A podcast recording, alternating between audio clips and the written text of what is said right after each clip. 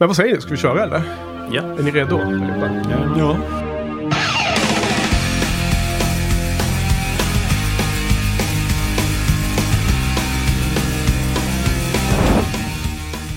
Välkomna allihopa till Buffy-podden special. Som vi har sagt är ju Buffy-podden över och jag och Johan hade ju en eh, avslutning i förra avsnittet. Och nu kommer då en helt annat content. Vi ska, jag och kvällens gäster ska nu eh, ha ett samtal om förra årets bästa filmer. Eh, de bästa filmerna från 2016. Och eh, så jag ska börja med att introducera gästerna här. Och mitt emot mig här har vi en före detta gäst från Buffy-podden som ni känner igen. Och det är Karl.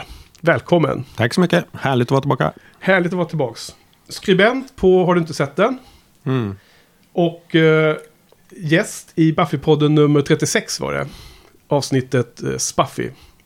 Och ivrig eh, film, eh, vad heter det, recensent i, på Letterboxd. Just så. Och sen har jag också med mig Johan här. Mittemot, välkommen. Tack så mycket. Som har filmbloggen Joinito. Mm. Om film heter det va? Den heter om film och Ja. ibland om annat. Ja, Väldigt sällan om annat. Just det. Och du är ju... ehm, eh, en du tittar ju på Buffy. Mm. Kom igång under poddens... Eh, när vi körde podden. Och hade du kommit ikapp och kommit upp till... Eh, I nivå med det, vilket avsnitt vi pratade om. Hade du kunnat varit gäst på podden. Men det blev aldrig av. Så att, Nej, jag ta revansch här nu då. ja. Och du har också kommenterat ganska ofta på buffypodden.se. Så det är precis. välkommet. Lagt in mina betyg och sådär. Just det. Just Eh, det. lite badass. Uh, betyg på alla avsnitten. Yes. Fast du har säsong 6 kvar va? Eller? Ja, jag har betygsatt dem men de har inte kommit in på... De har inte fått. Eh, Det kommer en kommentar snart. Ja. Och sen eh, till vänster har vi Niklas. Eh, välkommen. Tack så mycket, tack.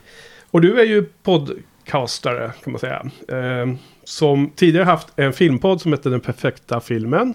Varit med där. Men nu är mer, eh, hörs mer i eten i spelpodden Späckat. Eller som jag kallar den, Girls Just Wanna Have Fun-podden. Jaha, kan du utveckla? Va? Ja, för att era signaturmelodi är ju i mitt huvud låter precis som intro till Girls Just Wanna Have Fun.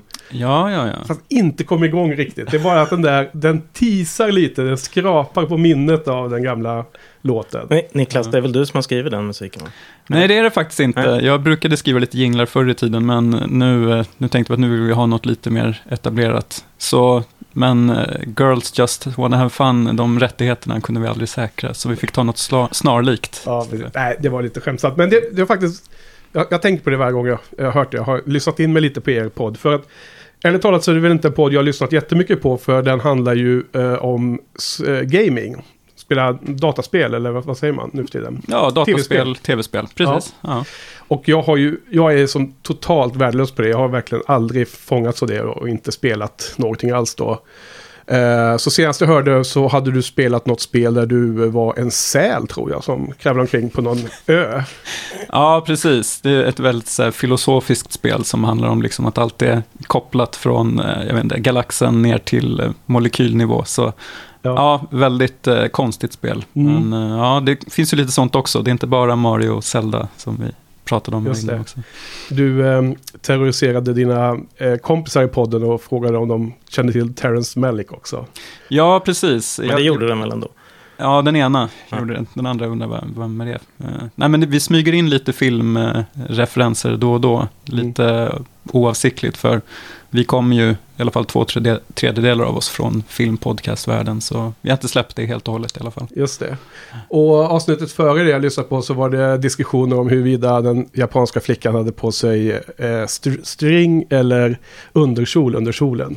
Ja, jag tror inte jag var just involverad i den diskussionen, jag satt och lyssnade också, men Ja. det är ju tyvärr ett problem med mycket spel som kommer från Japan, att eh, det, det är inte lika, om man säger jämställt där, så att det blir väldigt mycket, ja, Nu, nu lyfter jag upp kanske lite orättvisa vinklingar. ja Nej, men det var ju roligt, eh, roligt lite segment när jag kom in på det. mm, Eh, Men i alla fall, hjärtligt välkomna allihopa. tack. Mm. Så nu är alltså tanken att vi eh, ska snart komma in på bästa filmerna från förra året. Men först, allra först skulle jag bara eh, följa upp det som vi lovade i förra Buffy-podden-avsnittet. Det, det sista där att kolla av om vi hade fått någonting på inboxen.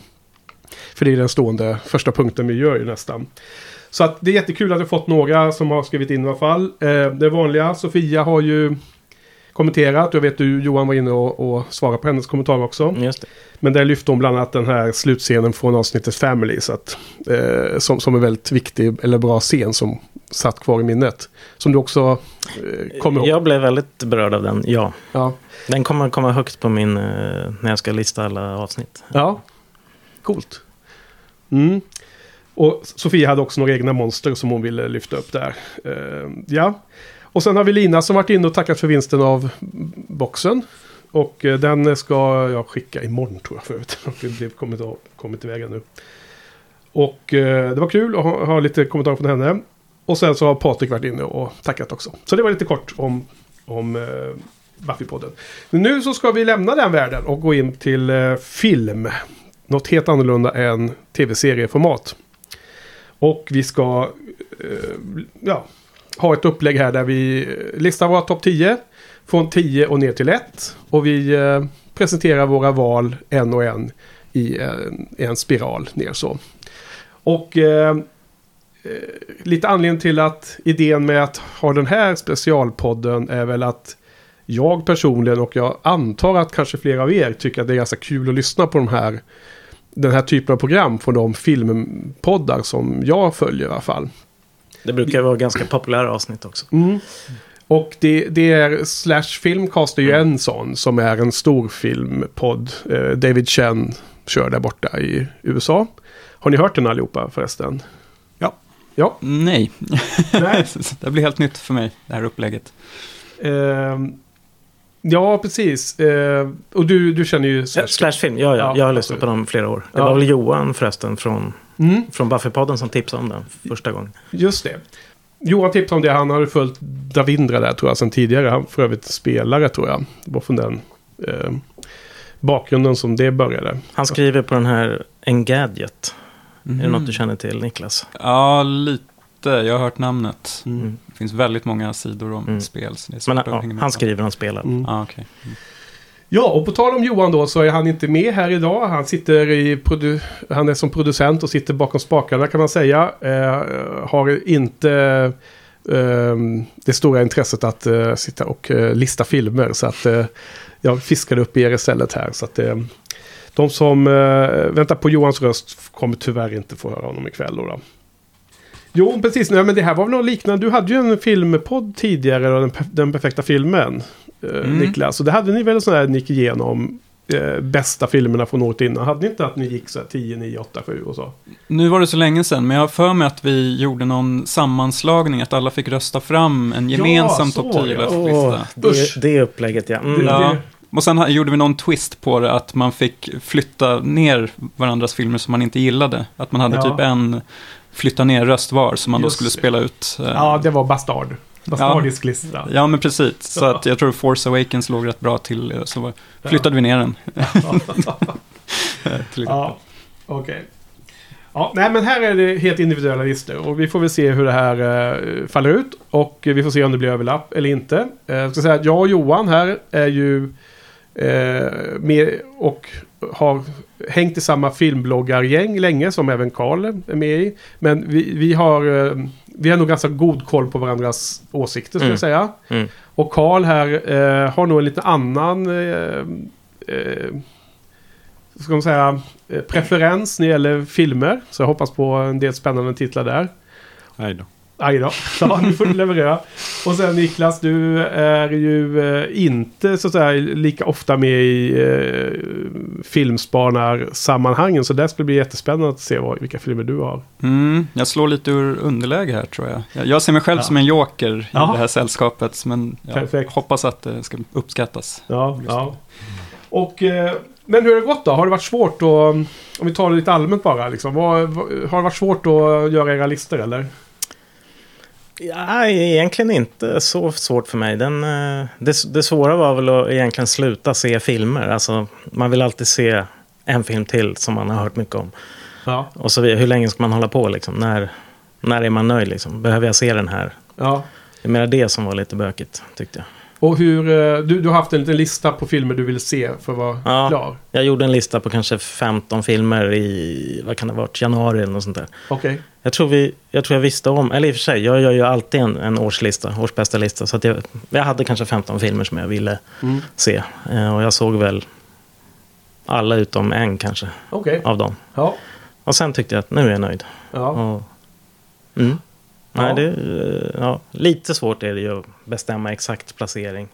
ja. Det här är ju extremt subjektivt och det ändras så himla lätt över tiden. Mm. Det får man vara medveten om generellt sett. Men nu är det listan som gäller idag i alla fall. Får vi se om någon skriver om sin lista Jag mitt, tror, inte mitt jag, under kom, kvällen. jag, jag tror inte jag kommer ändra den Nej. under... Ja, ni andra då? Haft några, det har varit lätt, svårt? Jag har ju haft en löpande topplista på Letterboxd. Så Mm. jag har bara kunnat justera lite upp och ner. Men som jag sa tidigare så är plats, plats 3 till någonstans 35 kanske är helt och hållet utbytbara. Det är Eh, intressant tycker jag. Ja. Ehm, det kan vara hur som helst. Sen eh, har, ju, har jag inte haft tid att sätta mig in i så mycket under mars. Har desperat försökt se 30 filmer från 30 olika länder. Jag har ett annat eh, Letterboxd-projekt där. Just. En utmaning att se 30 filmer från 30 olika länder och, eh, som du inte har sett då förstås. Precis. Ja. Och det gick bra. Men eh, f- låg efter eh, ända fram till förra helgen. Så Ja. tryckte igenom lite. Alltså 30 länder blir ju lite, skulle jag ha svårt med alltså. För de har sett USA, Sverige, England. Och så är det 27 länder till då. typ, eller? Tyskland. Ja, Tyskland kanske. Korea. Ja, du då Niklas? Du har kämpat med din lista eller? Ja, att få ihop till tio filmer som jag inte har sett så himla mycket. Det var ju svårt bara det. Ja, Nej, så du- illa var det inte, men eh, Ja, men när, vi fikade så sa du ändå att du hade sett ganska mycket film från förra året. ja, men då räknade jag också in sånt som kanske inte är från 2016. Så Ah. det var lite, jag skarvade lite där. Ja. Jag tycker s- en svår del har varit att eh, bestämma sig för om den här filmen ska räknas som 2016 eller om det är 2015. Mm. Jag tror jag har någon liten så här eh, slamkrypare någonstans som kanske är gjord 2015 men eh, det var 2016 som eh, alla började prata om den och så Ja. vidare. Vi får se, ni får, ni får protestera om det är Ja. något ni inte... Jag har en sån slamkrypare också. Mm. Ja, alltså det är den eviga diskussioner bland filmnördar som gör topplistor om vilket år som ska gälla. Och jag har ju, jag har ju tidigare haft någon slags eh, eh, konstig regel. Men jag har gått över till att köra helt IMDB. Du, du menar IMDB. typ min regel? Ja, ungefär som du har Johan. Eh, där det, det är liksom, du har någonting om att det, den ska liksom finnas till, allmänt tillgänglig och så vidare. Men jag har det, jag har straight efter IMDB för att det blir så enkelt att bara avgöra på det sättet. Förutom när de gör fel också. Ja, faktum är att om, om man hittar filmer som man vet gick här, till exempel, jag hittade faktiskt en film, det var, tror jag den du tänker på Johan, en, en svensk film som gick på filmfestivalen i november 2016 ju. Och den på IMDB så är den inte uppdaterad där då, utan den står som 2017. Så de har liksom inte uppdaterat att den faktiskt gick på bio 2016 redan. Så att i det fallet så vet jag ju faktiskt bättre än IMDB, så då räknar jag den som förra året. Jag så, liksom, den, den gick ju här i Stockholm då. En svensk film. Ja, Jag har gått strikt efter IMDB också. ja, okej. Inga undantag. Ja. Alltså, Men du jag- har något Johan? Jag har ett undantag. Nej, men jag vill helt enkelt ta de filmerna som det snackas om under det året. Just det. Så de hör, de hör till det året. Men eh, alltså 90, 99% av fallen så är det ju IMDB, det är ju samma. Så, Ja. så att Ja. det är ingen... eh, Det är nog ganska, det blir ganska eh, tydligt sen tror jag. Ja. Listorna kommer upp då. Men det blir nog liknande som du har där Niklas. Mm, Mm. det blir det. Nej, men det, det var mitt lilla för, förberedda försnack. Är det några andra, andra saker, kommentarer? Eller är ni sugna på att komma igång? Hur ska vi förhålla oss till spoilers egentligen? Ja, precis. Eh, bra, för vi pratade om det lite alldeles nyss här ju innan sp- inspelningen om spoilers. Vi, vi ska försöka undvika att spoila händelser i filmerna sa vi va? Men eftersom vi ska prata om filmerna och varför vi gillar dem så kommer vi in... Vi kommer ju inte... Vi, vi, vi måste ju få säga vad vi gillar med filmerna, varför vi gillar dem och så vidare. Så att, och är man så spoilerkänslig att man inte ens vill bli spoilad på känslorna som man får av filmen. Då kan man nog inte lyssna på det här avsnittet alls. Då ska man nog stänga av nu också. Men håller ni med om det eller? Inga specifika eh, spoilerkänsliga delar av handlingen ska vi inte i de fall det är relevant. Ja, Alltså, viss, viss handling kan ju anses vara eh, spoilig ifall man vill gå in helt blankt i en film. ja. Men, Det är svårt att gå in helt blankt i en film om man har lyssnat på en topp 10 exakt. podcast. Ja. men, men det här, eh, vad heter han, M. Night Shyamalans, vad heter han nu? Ja. Eh, hans, Shyamalan. filmer, hans filmer är ju oftast bygger på en twist. Den klassiska är hans första, Det sjätte sinnet. Och då hade vi försökt undvika att berätta vad twisten är. Men vi hade fortfarande kunnat prata om filmen, vad som är bra med skådespeleriet. Eller om klippningen eller musiken eller vad den kan vara. Eller hur? Mm. Något sånt ska vi försöka förhålla oss till. Så ehm, ta det med ro. Vi kommer eh, eh, försöka vara finkänsliga när det gäller sånt. Men det kommer vara svårt att, att, att eh, vara helt spoilerfri.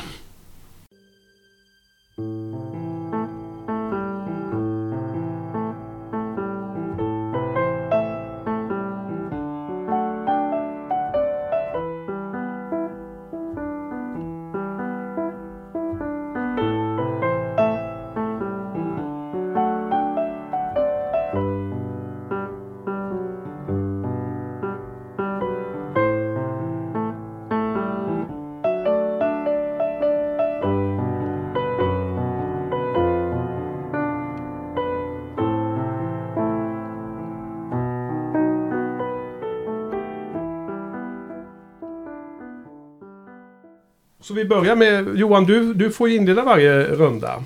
Ja. Som, som eh, gammal veteran och lyssnar på Filmspotting, en annan sån film eh, eh, som hållit på i evigheter, sen ända, ända sedan 2005 eller vad det är de hållit på. De kör ju sådana här varje år. Eh, jätteroliga avsnitt. Där de brukar sitta fyra personer och dra sina listor. Så, shoot. Vilken har du på plats nummer 10? Ja, plats nummer 10. Det, var svårt att välja ut 10. Det, det, den, just plats 10. Eh, och det, här var en film som låg högre upp från början tror jag. Eh, sen gled den neråt och neråt. Men, eh, och det är Nocturnal Animals. Aha. Eh, kanske att den är oväntat lågt ner på listan. Eh, jag vet att det finns andra som gillar den. Men eh, det är ju Tom Ford. Eh, han är ju gammal eh, kläddesigner. Eh. Och sen gjorde han den här Single Man. Det var väl hans första tror jag. Ja. Eh, och Nocturnal Animals är ju en speciell film. Den, man kan väl säga att det är, är det tre olika stories som utspelas. Som man får se lite olika glimtar ifrån. Och det är ju då Amy Adams som spelar en av huvudrollerna. Och hon eh, lever ett ganska eh, tråkigt liv vad det verkar. Hon är kurator på något galleri. Ja. Eh, och sen så får hon en bok hemskickad fr- eh, från en gammal... Eh, ja, de var väl gifta till och med, eller? Hur var det? Eh, och eh, hon börjar läsa den här boken och eh, blir eh, väldigt indragen i den där. Och det som är speciellt är här då att eh, de, eh, vi får se scener ur den boken. Mm. Och när det, när det började, de scenerna, då blev jag totalt indragen i den här och tyckte det var väldigt spännande. Mm. Eh, den, den- den, delen av filmen är ju väldigt intensiv. Där är det då Jake Gyllenhaal, eh, som också spelar författaren till den här boken.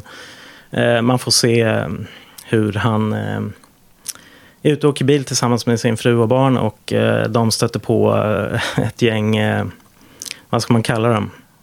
White Trash Hillbillies. Eller, Där eh, Aaron Taylor Johnson spelar ledaren av det där gänget. Och jag, han är ju ingen skådespelare som jag har uppskattat tidigare egentligen.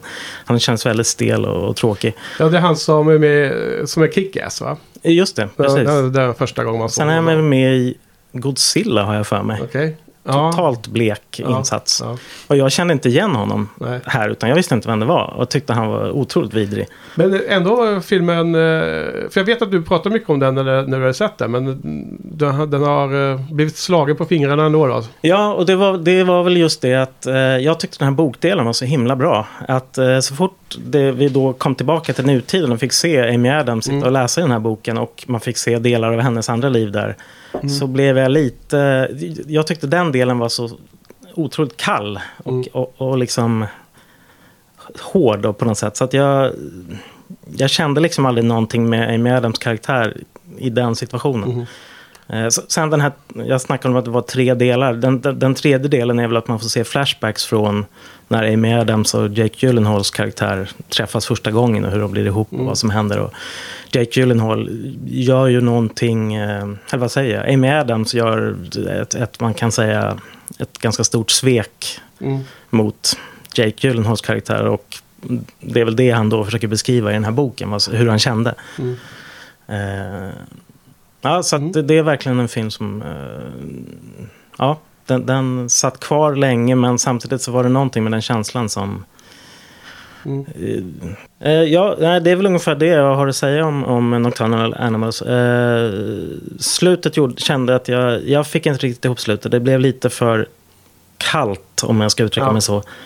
Eh, väldigt dystert. Ja. Och det, jag blev lite dyster själv då. Eh, Ja, men ändå topp 10 är ju Det är topp 10. fantastiskt Det är bra topp 10. placering.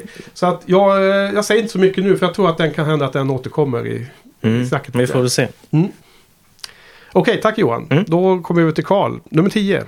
Shoot. Mm, Ja, eh, snarlikt kanske. Jag har eh, Nocturama av Bertrand Bonello. Fransk film. Okej. Eh, Nu trodde jag först att du sa samma namn. Men Precis, Nej. men icke. nej. Eh, den går väl kanske på bio just nu? Okej. Ja, tror jag. Okej. Jag vet inte. Jag Faktiskt den, inte hört talas om Jag den. kände heller till det Nej. där. eh, apropå eh, se på en bra visning. Eh, så var det avslutningsfilmen för min del på Stockholms filmfestival. Ja. Eh, var typ 10 pers på park någon gång på söndagskvällen där. Ösregn utanför. Och så eh, sitter där och får lite plats. Ehm, En av de sista visningarna är på Park. exakt, tragiskt. Ja, det här har jag missat. Tragiskt. Ska... Park, park ska läggas ner. Jaha. Är det tragiskt? Nej. Var det en bra... ja, Ja, men lite synd är det väl. Ja, det är en fin biograf. Okej. Men just de här singelbiograferna, de, Ja. det finns ju bara en kvar nu i Stockholm. Gamla klassiska. Även om Park just... Man väljer gärna bort den för det är så himla eh, dåliga stolar där. Det är som Ja. hårda. Ja, det är det jag menar. Så Mm. jag. Sätena är inte att leka Good riddance. Okej. Ja, men du levererar redan en eh, film som man knappt ens har hört namnet på. Vad, vad är det för någon genre det här då? Ja, um, det är kanske någon sorts thriller kanske. Jag vet inte. Man får eh, följa ett, eh, en, ett antal eh, ungdomar som förbereder någon sorts rackartyg i Paris. Ah, Eh, okej. Så förbereder de lite på sina olika håll. Eh, stöter på varandra lite grann, kanske känner varandra.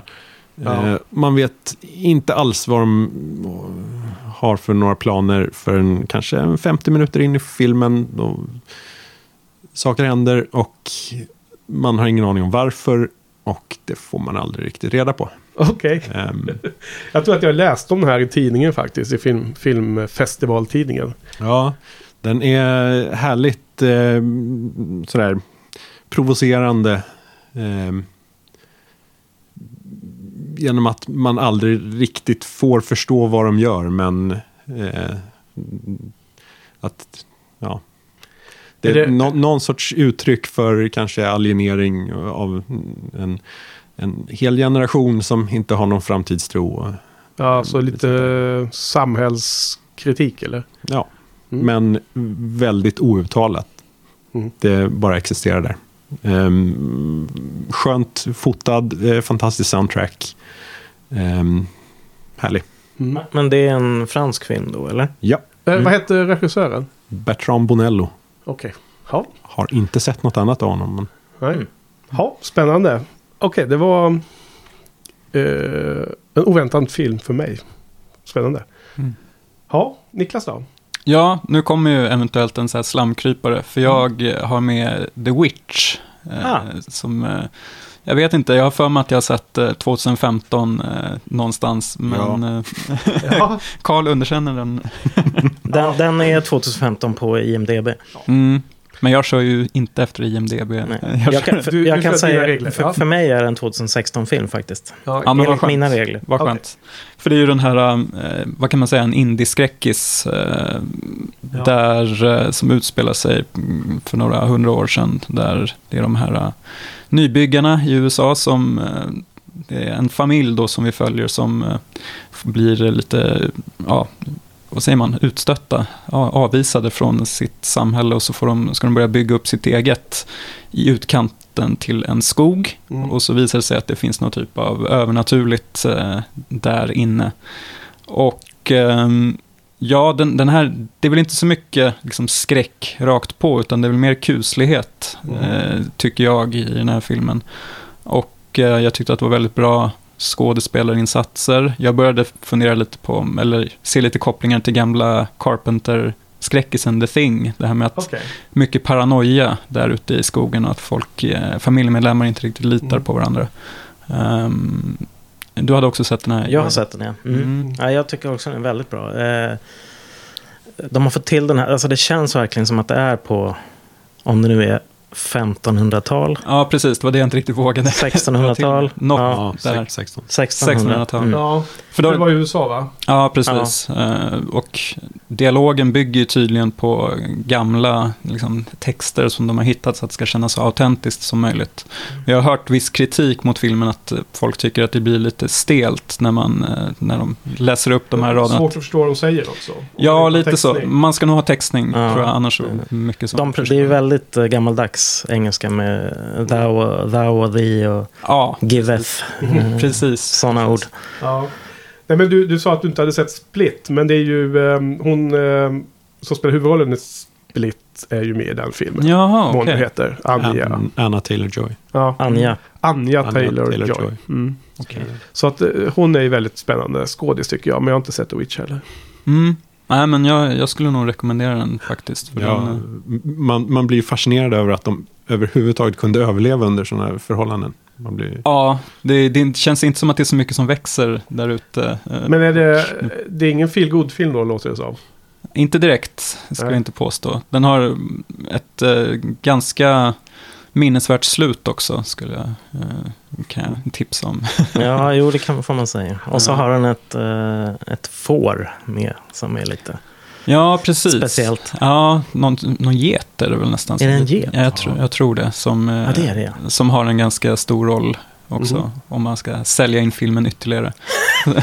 Oklart hur, hur lyckosamt det blir. Men... Ja, precis. Nej, men se den, Mm. tycker jag. Mm. Mm, så det är min eh, tia. Ja. Nice. Då ska vi se här. Eh, tionde plats då. då. Eh, så har jag en film som är en amerikansk musikal som heter La La Land. Mm. Så ni kanske känner igen från eh, Oscars eh, hysterin där. Debaklet. Precis, den film som först fick pris som bästa film men sen så var det en annan film som vunnit. Eh, så att nu, eh, men nu är det inte fel. Den är på plats 10. 10 här hos mig då. Och eh, jag är ju inte en jättestor musikalfantast även om det finns flera musikaler jag sett som jag tycker är otroligt bra film.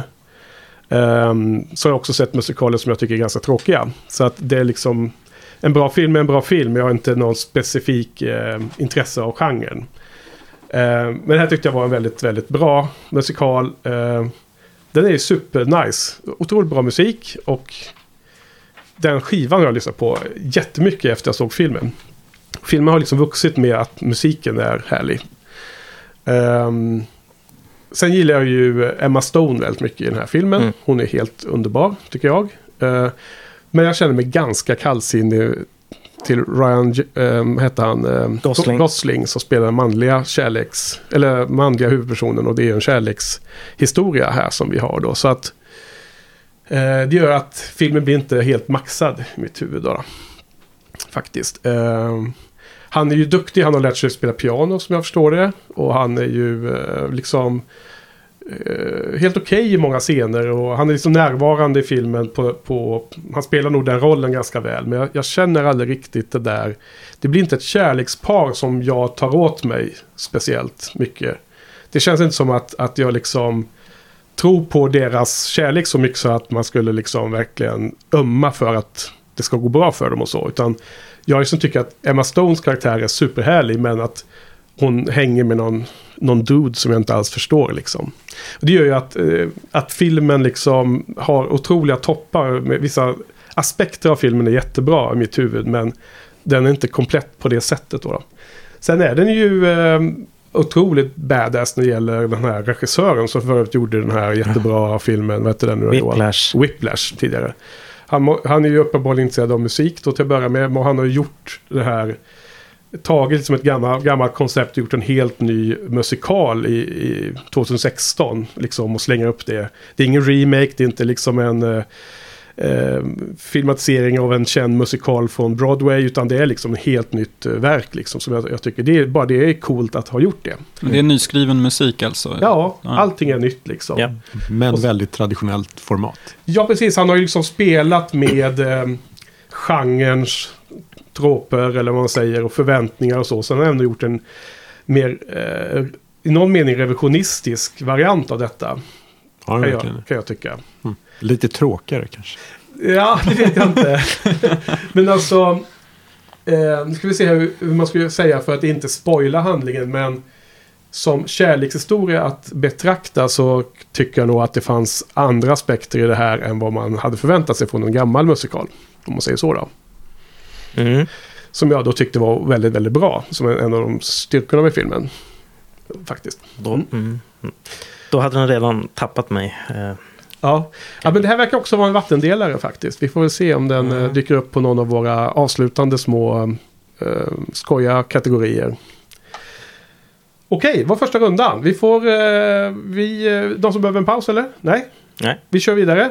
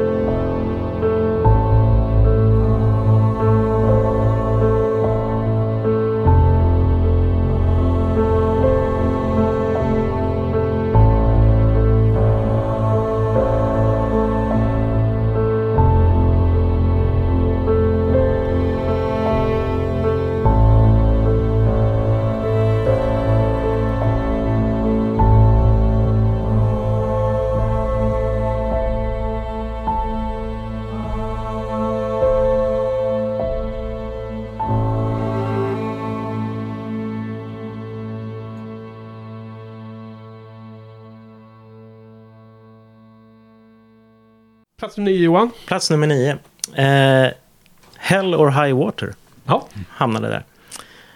Eh, den eh, handlar om två bröder i Texas eh, som eh, börjar råna banker kan man säga för att eh, köpa tillbaka sin gård på något sätt. Som, eh, ja, det är väl deras mamma som hade den som har gått bort och, och bankerna har tagit över. Och, I hälarna då får de en, en vad heter det, State Trooper eller någon Texas Ranger eller vad han nu kan vara. Eh, som spelas av Jeff Bridges.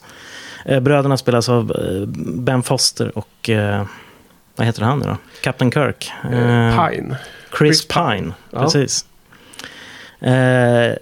Ja, jag tyckte den var väldigt bra den här filmen. Den, eh, Den gick på filmfestivalen. ja, jag såg den på filmfestivalen precis. Eh, På våran eh, filmspanardag. ja, Som just du och jag planerade. Just det, vi Vi valde valde, den här. Jag med, ja, just det, jag valde nog den Mm. till och med. Ja, det var ett bra val. Vi valde den ihop. Då. Jag kunde tyvärr inte vara med. Men jag såg den senare. Ja, du var inte med, okej. Nej. Visst jäv.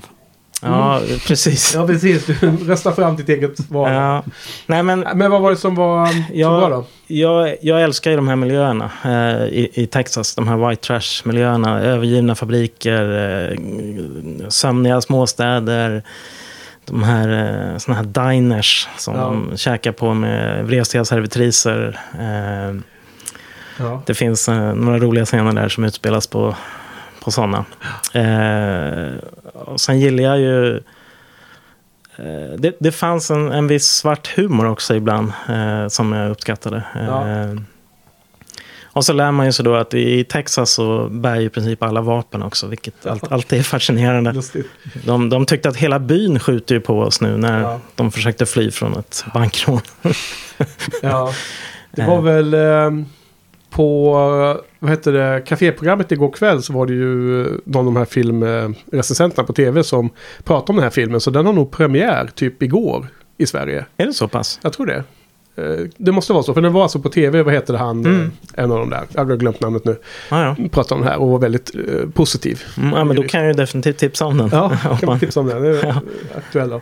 Eh, ja, vad ska jag säga mer? Eh, Chris Pine var lite oväntat att han funkade så bra i sin roll. Han är ju lite av en sån här pretty boy kan jag tycka. Men Ja. eh, Jag håller helt med. han, han eh, lite liksom skägg och mustasch och lite skitiga kläder och en rutig skjorta så, så funkar han. Ja. Eh, Ben Foster var ju väldigt bra. Han är alltid bra. Han var ju fullständigt psyko i den här Ja. filmen. Eh, Eh, Chris Pine är ju eh, eh, Captain Kirk i de här nya Mm. Star Trek-filmerna. precis. Och eh, som, jag tyckte, som jag tycker är så otroligt tråkig i dem. Men jag håller helt med. Här, här passar han in. På något sätt hade han den energin som, eller den, hans aura här i den här filmen var väldigt bra. Mm. Som den eh, ena brodern där då. Mm. Eh, Sen, eh, Jeff Bridges har ju även en, en, en poliskollega som är, han är väl indianskt och mexikanskt ursprung. Eh, De har ju en viss jargong mellan sig där vissa då kan, eller ja. Det, det var ju rasistiska påhopp egentligen från Jeff Bridges. Det var inget som, som eh, Ja, men det är lite svårt att tolka hur, hur kollegan eh, reagerar på dem då. Mhm. Så det har varit lite diskussioner om det. Och Ja, jag vet Karl har haft lite frågor till mig vad jag tyckte om det. Jag vet inte riktigt vad jag svarade där. Men eh, det, var, det var inget som gjorde att filmen blev sämre i alla fall. nej. Eh, ja, hade du, vad hade du för synpunkter på om den biten då, Carl? Ja, det är bara lite otydligt vad, hur man ser hur filmen hanterar Ja. det där. Det kan, kan väl vara problematiskt för vissa. Alltså jag hade ju...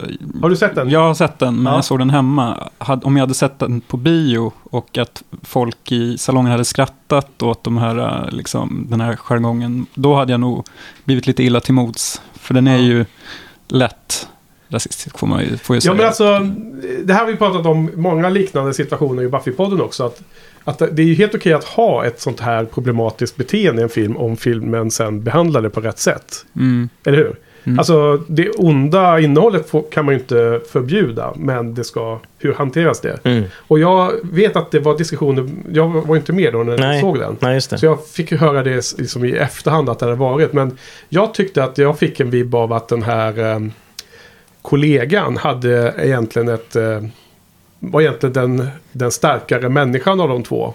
Det finns en speciellt en scen när de bor på motell. Och eh, Je- Jeff Bridges går över till sin kollega och sitter och dricker en öl där inne i mo- motellrummet. Mm. Där, där det är väldigt tydligt att det är liksom Bridges som är den trasiga människan och ensamma och i, i någon form av underläge när det gäller liksom det personliga livet.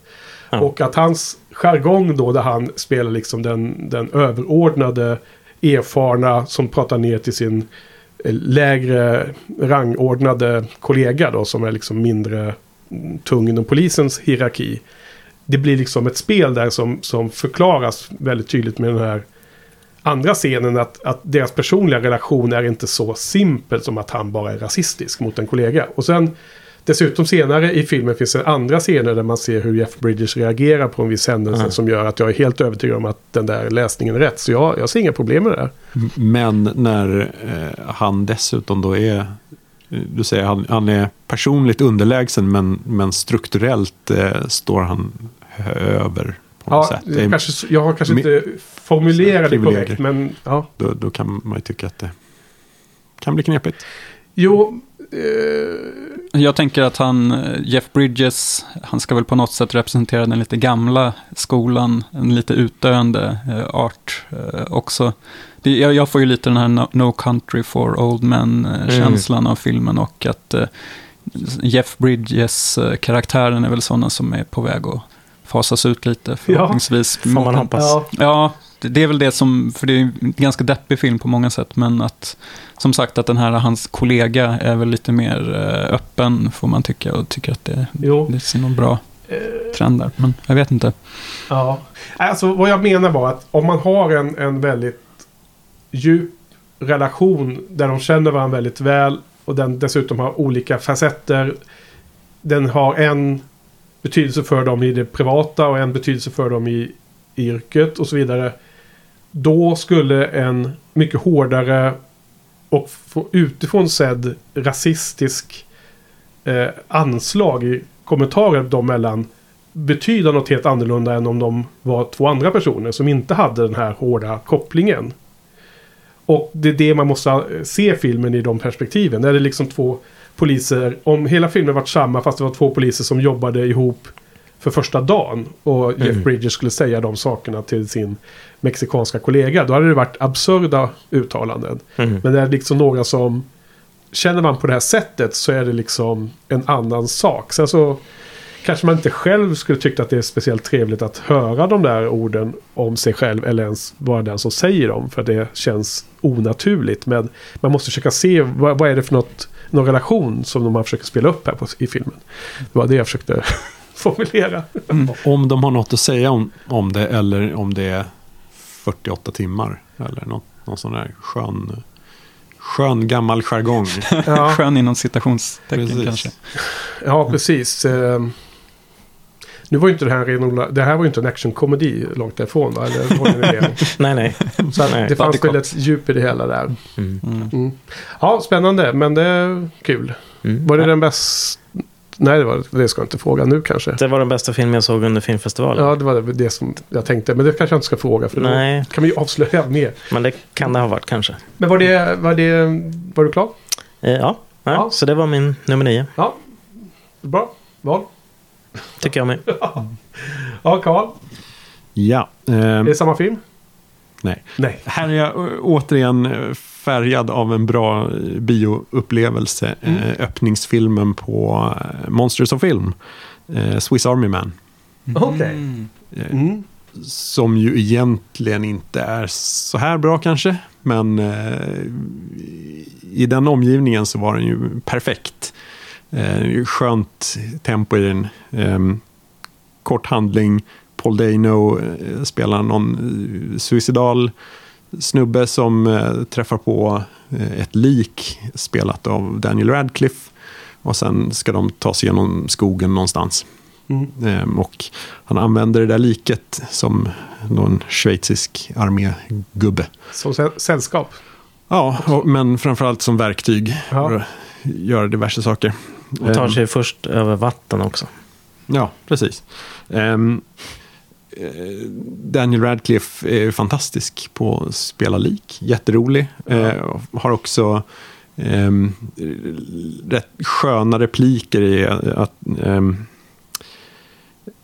han ifrågasätter alla här, sociala eh, normer kanske. Tycker att saker är konstiga. Han fattar ingenting för han är död. Ehm, Fast han pratar ändå.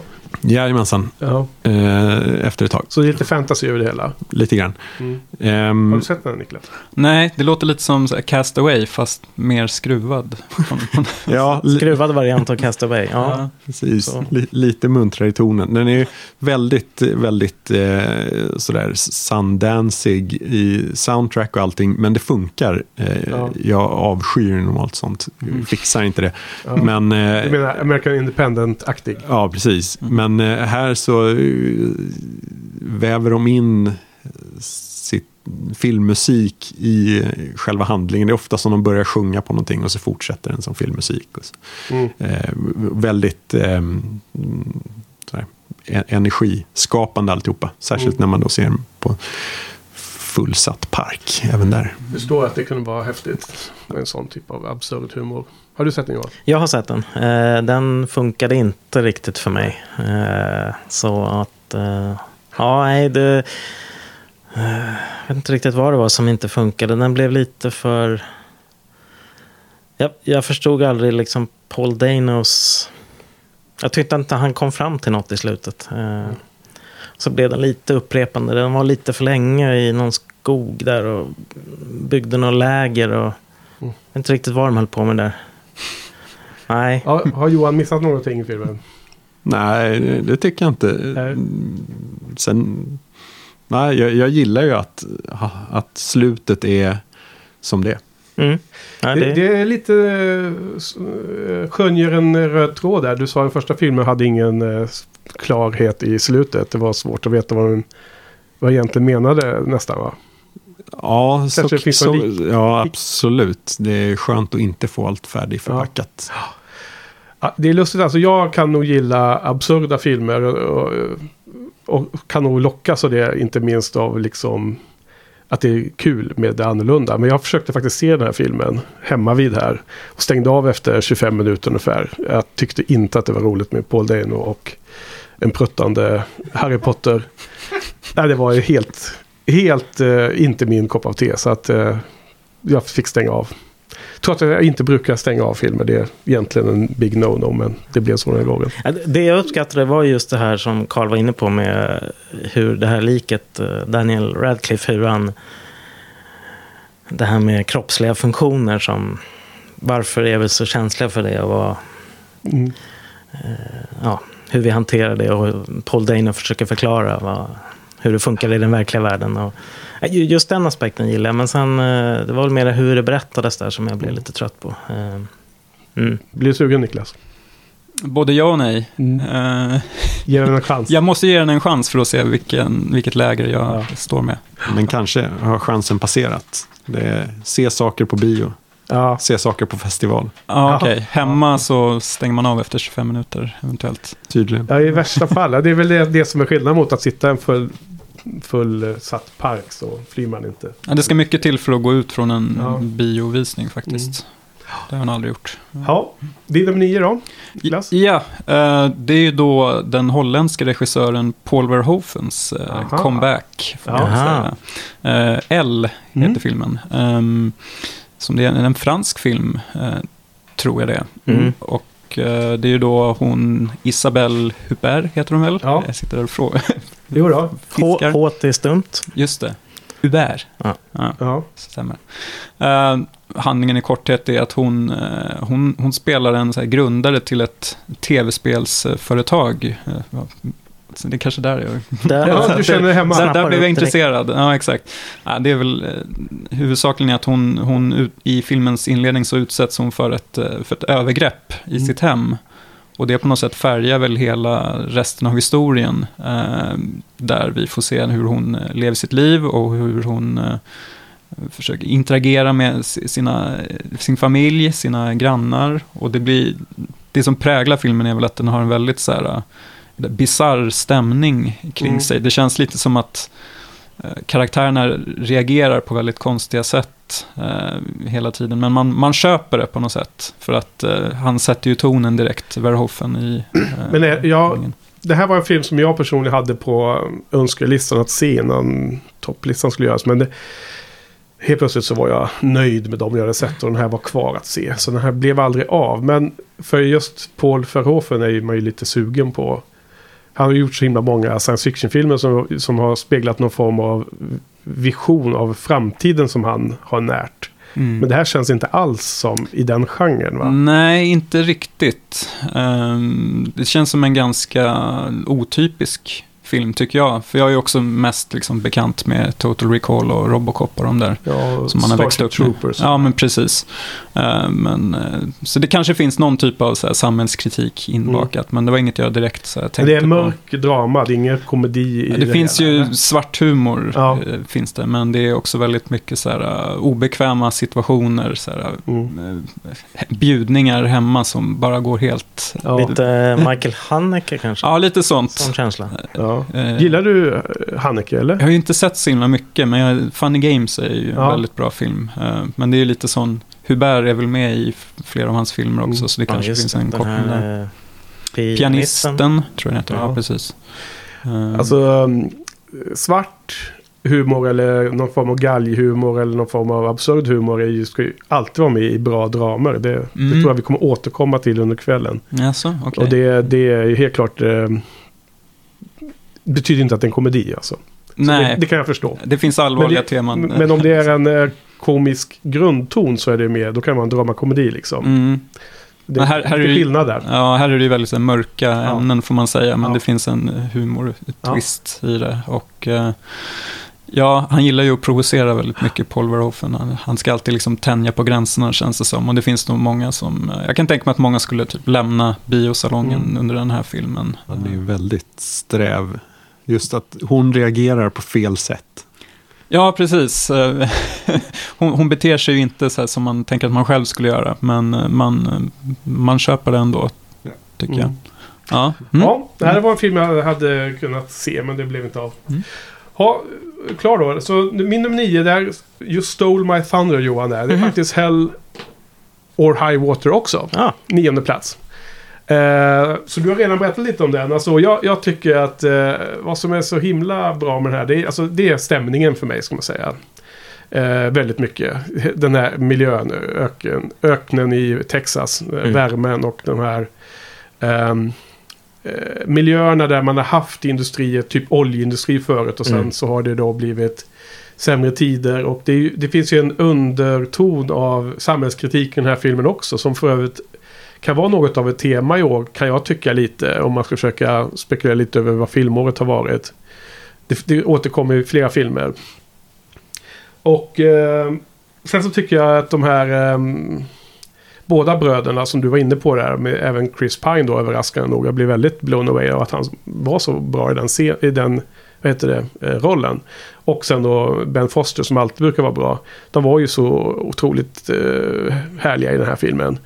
Eh, Däremot så var jag inte speciellt eh, förtjust i Jeff Bridges faktiskt. För det var mycket snack om att han skulle bli nominerad och så här till Oscars och kunna vinna och så då. Så jag var som tyckte att det, det var liksom, det var bara fine att, att han inte, hur var det? Var han nominerad då kanske? Eller? Nej, jag tror inte han blev nominerad. Nej, men han vann i alla fall inte. Det, Nej. det, så. så att eh, jag var inte så förtjust. Det, det var lite den här eh, fysiska omställningen. Han skulle prata som om han hade en varm potatis i munnen. Helt. Alltså jag, jag tänkte på det hur han pratade. Jag tänkte Ja. varför kör han den där? Hur, vad gör han? Kan han gå till en talpedagog eller liksom? Jo, men men han- sen så han- såg jag en intervju och ja. han, han pratar så nu för tiden. Gör han? Verkar det som. Så att, Konstigt. För att det kändes som att han förställde sitt prat för att låta som en sån här gammal gubbe som knappt kunde prata rent. ja. Och då blev jag störd av det. Liksom, det är inte det som är bra skådespeleri i mina ögon. Att, att förställa. Samma sak som att alla pratar om Rob De Niro som gick upp i vikt si så mycket tjuren från Bronx. Liksom. Men det... Jaha, och, och, och liksom, det måste ju vara skådespeleriet man gör av rollen som är det viktiga oavsett. Då. Eller du har något att tillägga Karl, så. Nej, han, han är en gammal gubbe. Ja. Man säger. Sen det sista jag skulle säga om, om varför jag tycker att Hell or High Water är så bra. Det är att den här storyn som inte ska dra hela liksom eh, vad som är poängen med storyn. Men ibland med den här typen av eh, crime-drama alltså, och lite så här polis jagar skurkarna. Har väldigt bra inledning men sen så kanske inte blir så bra i själva liksom, slutet. De så får inte ihop storyn. Men jag tyckte det här var ett fall där man fick ihop storyn jättebra. Otroligt eh, solid tyckte jag den här var då. Så att ja, det är plats nio för mig. Mm. Okej, vi går vidare. Ta åttan.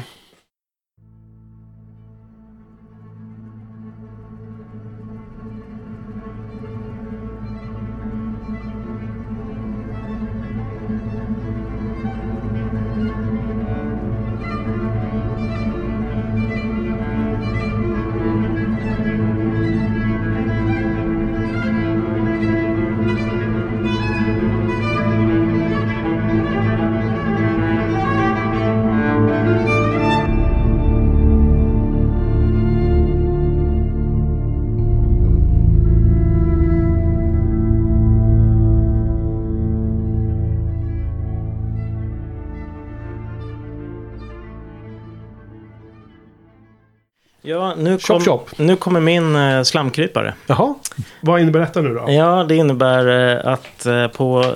Är det plats åtta nu? Ja. eh, Suburra. Jaha, Italiensk... ja just det. eh, 2015 ja. Precis. Karl skakar på huvudet. Jaha. Nej, Den här såg jag nere på Malmö filmdagar eh, i höstas. Mm. Eh, och eh, alltså det är ju en... Utspelas den i Rom? Kanske? Mm, det är någon gangs, gangsterfilm. Ja, det- Mo- Modern. Det är ju maffian och kyrkan och eh, intriger, korruption, Mm. mörkt. Eh, olika samhällsskikt som politiker. Mm. Eh, allt är sammankopplat och hänger ihop. Eh, vad liksom en, en simpel knarklangare på gatan gör har på något sätt en påverkan för vad som händer med en politiker. Eh, Ja, ända, eh, eh, ända upp i det ända upp liksom po- mest eh, påven. korrup, korrupta skikterna Ja. i kyrkan. Ja, Nej, precis. precis. Eh, Via maffian. Exakt. Eh, den har väl vissa likheter med den här Gomorra som kom eh, för några år sedan. Mm. Eh, det, den har ju även gjorts som en, som en tv-serie. Och den som har regisserat tv-serien är den som, eh, som har gjort eh, den här Suburra. Ja. Eh, så att eh, väldigt eh, fint filmad också. Eh, mycket mörka gator med regn och det blänker och det är Ja. Mycket snyggt. Mycket snyggt foto måste jag säga. otroligt bra musik också. Men den här tyckte hade jag. alltså premiär i vintras någon gång i Sverige, eller? Den har Eh, gått på bio i Sverige här, va?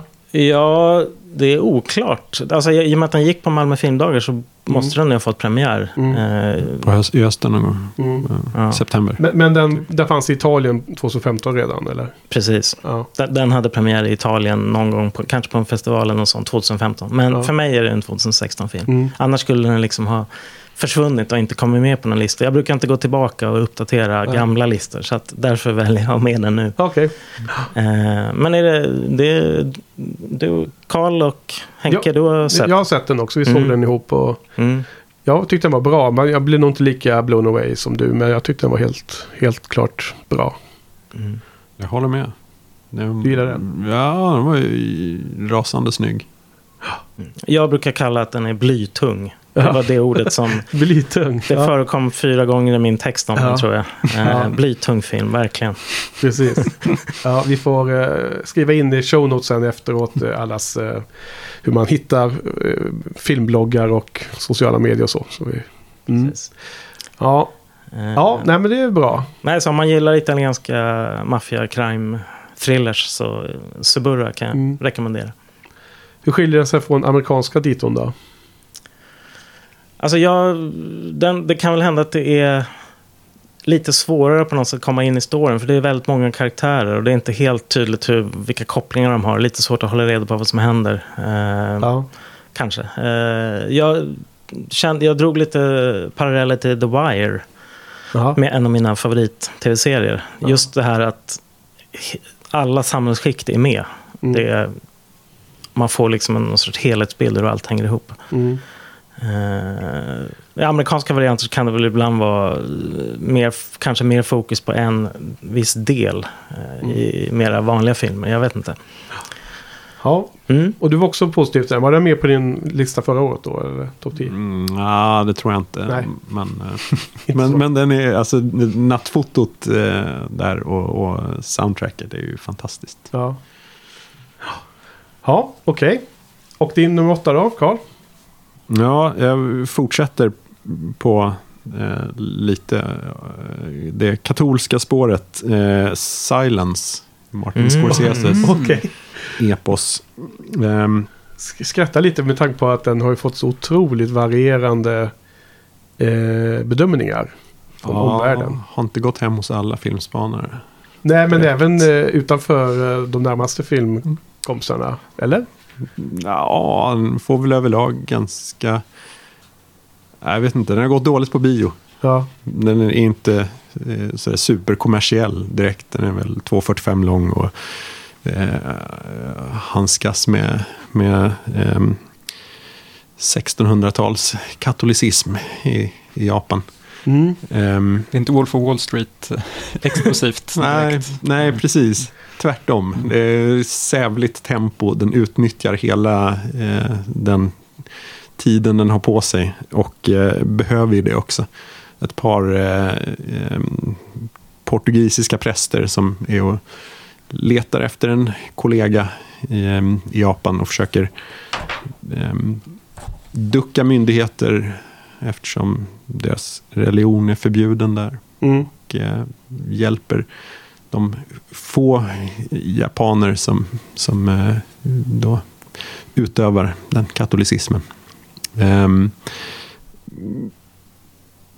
det handlar ju mycket om hur, eh, hur långt man vill gå för att eh, utöva sin religion och väldigt mycket vad den, vad den betyder som någon sorts eh, enande kraft kollektivt gentemot vad den betyder för individen själv. Mm.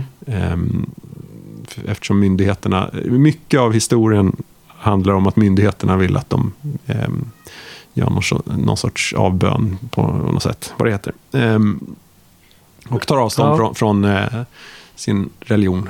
Men varför är de där eh, från början? Alltså, ska de eh, marknadsföra katolicismen så att säga för japaner? Är det det som...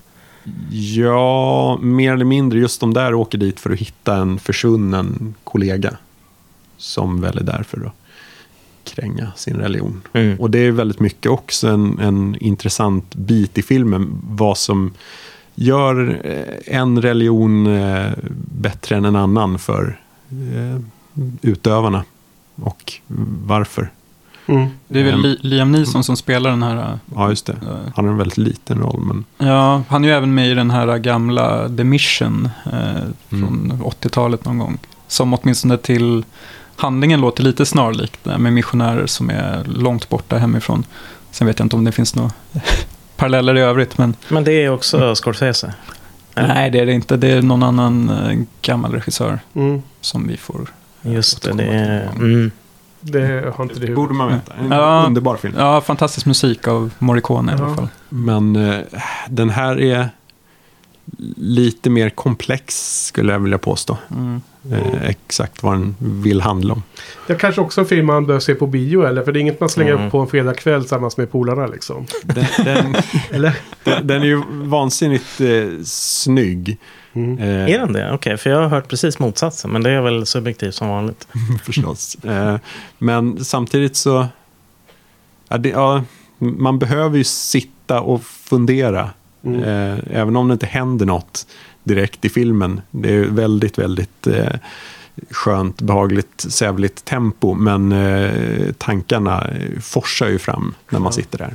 Eh, så, ehm, då är det bra att kunna fokusera på den.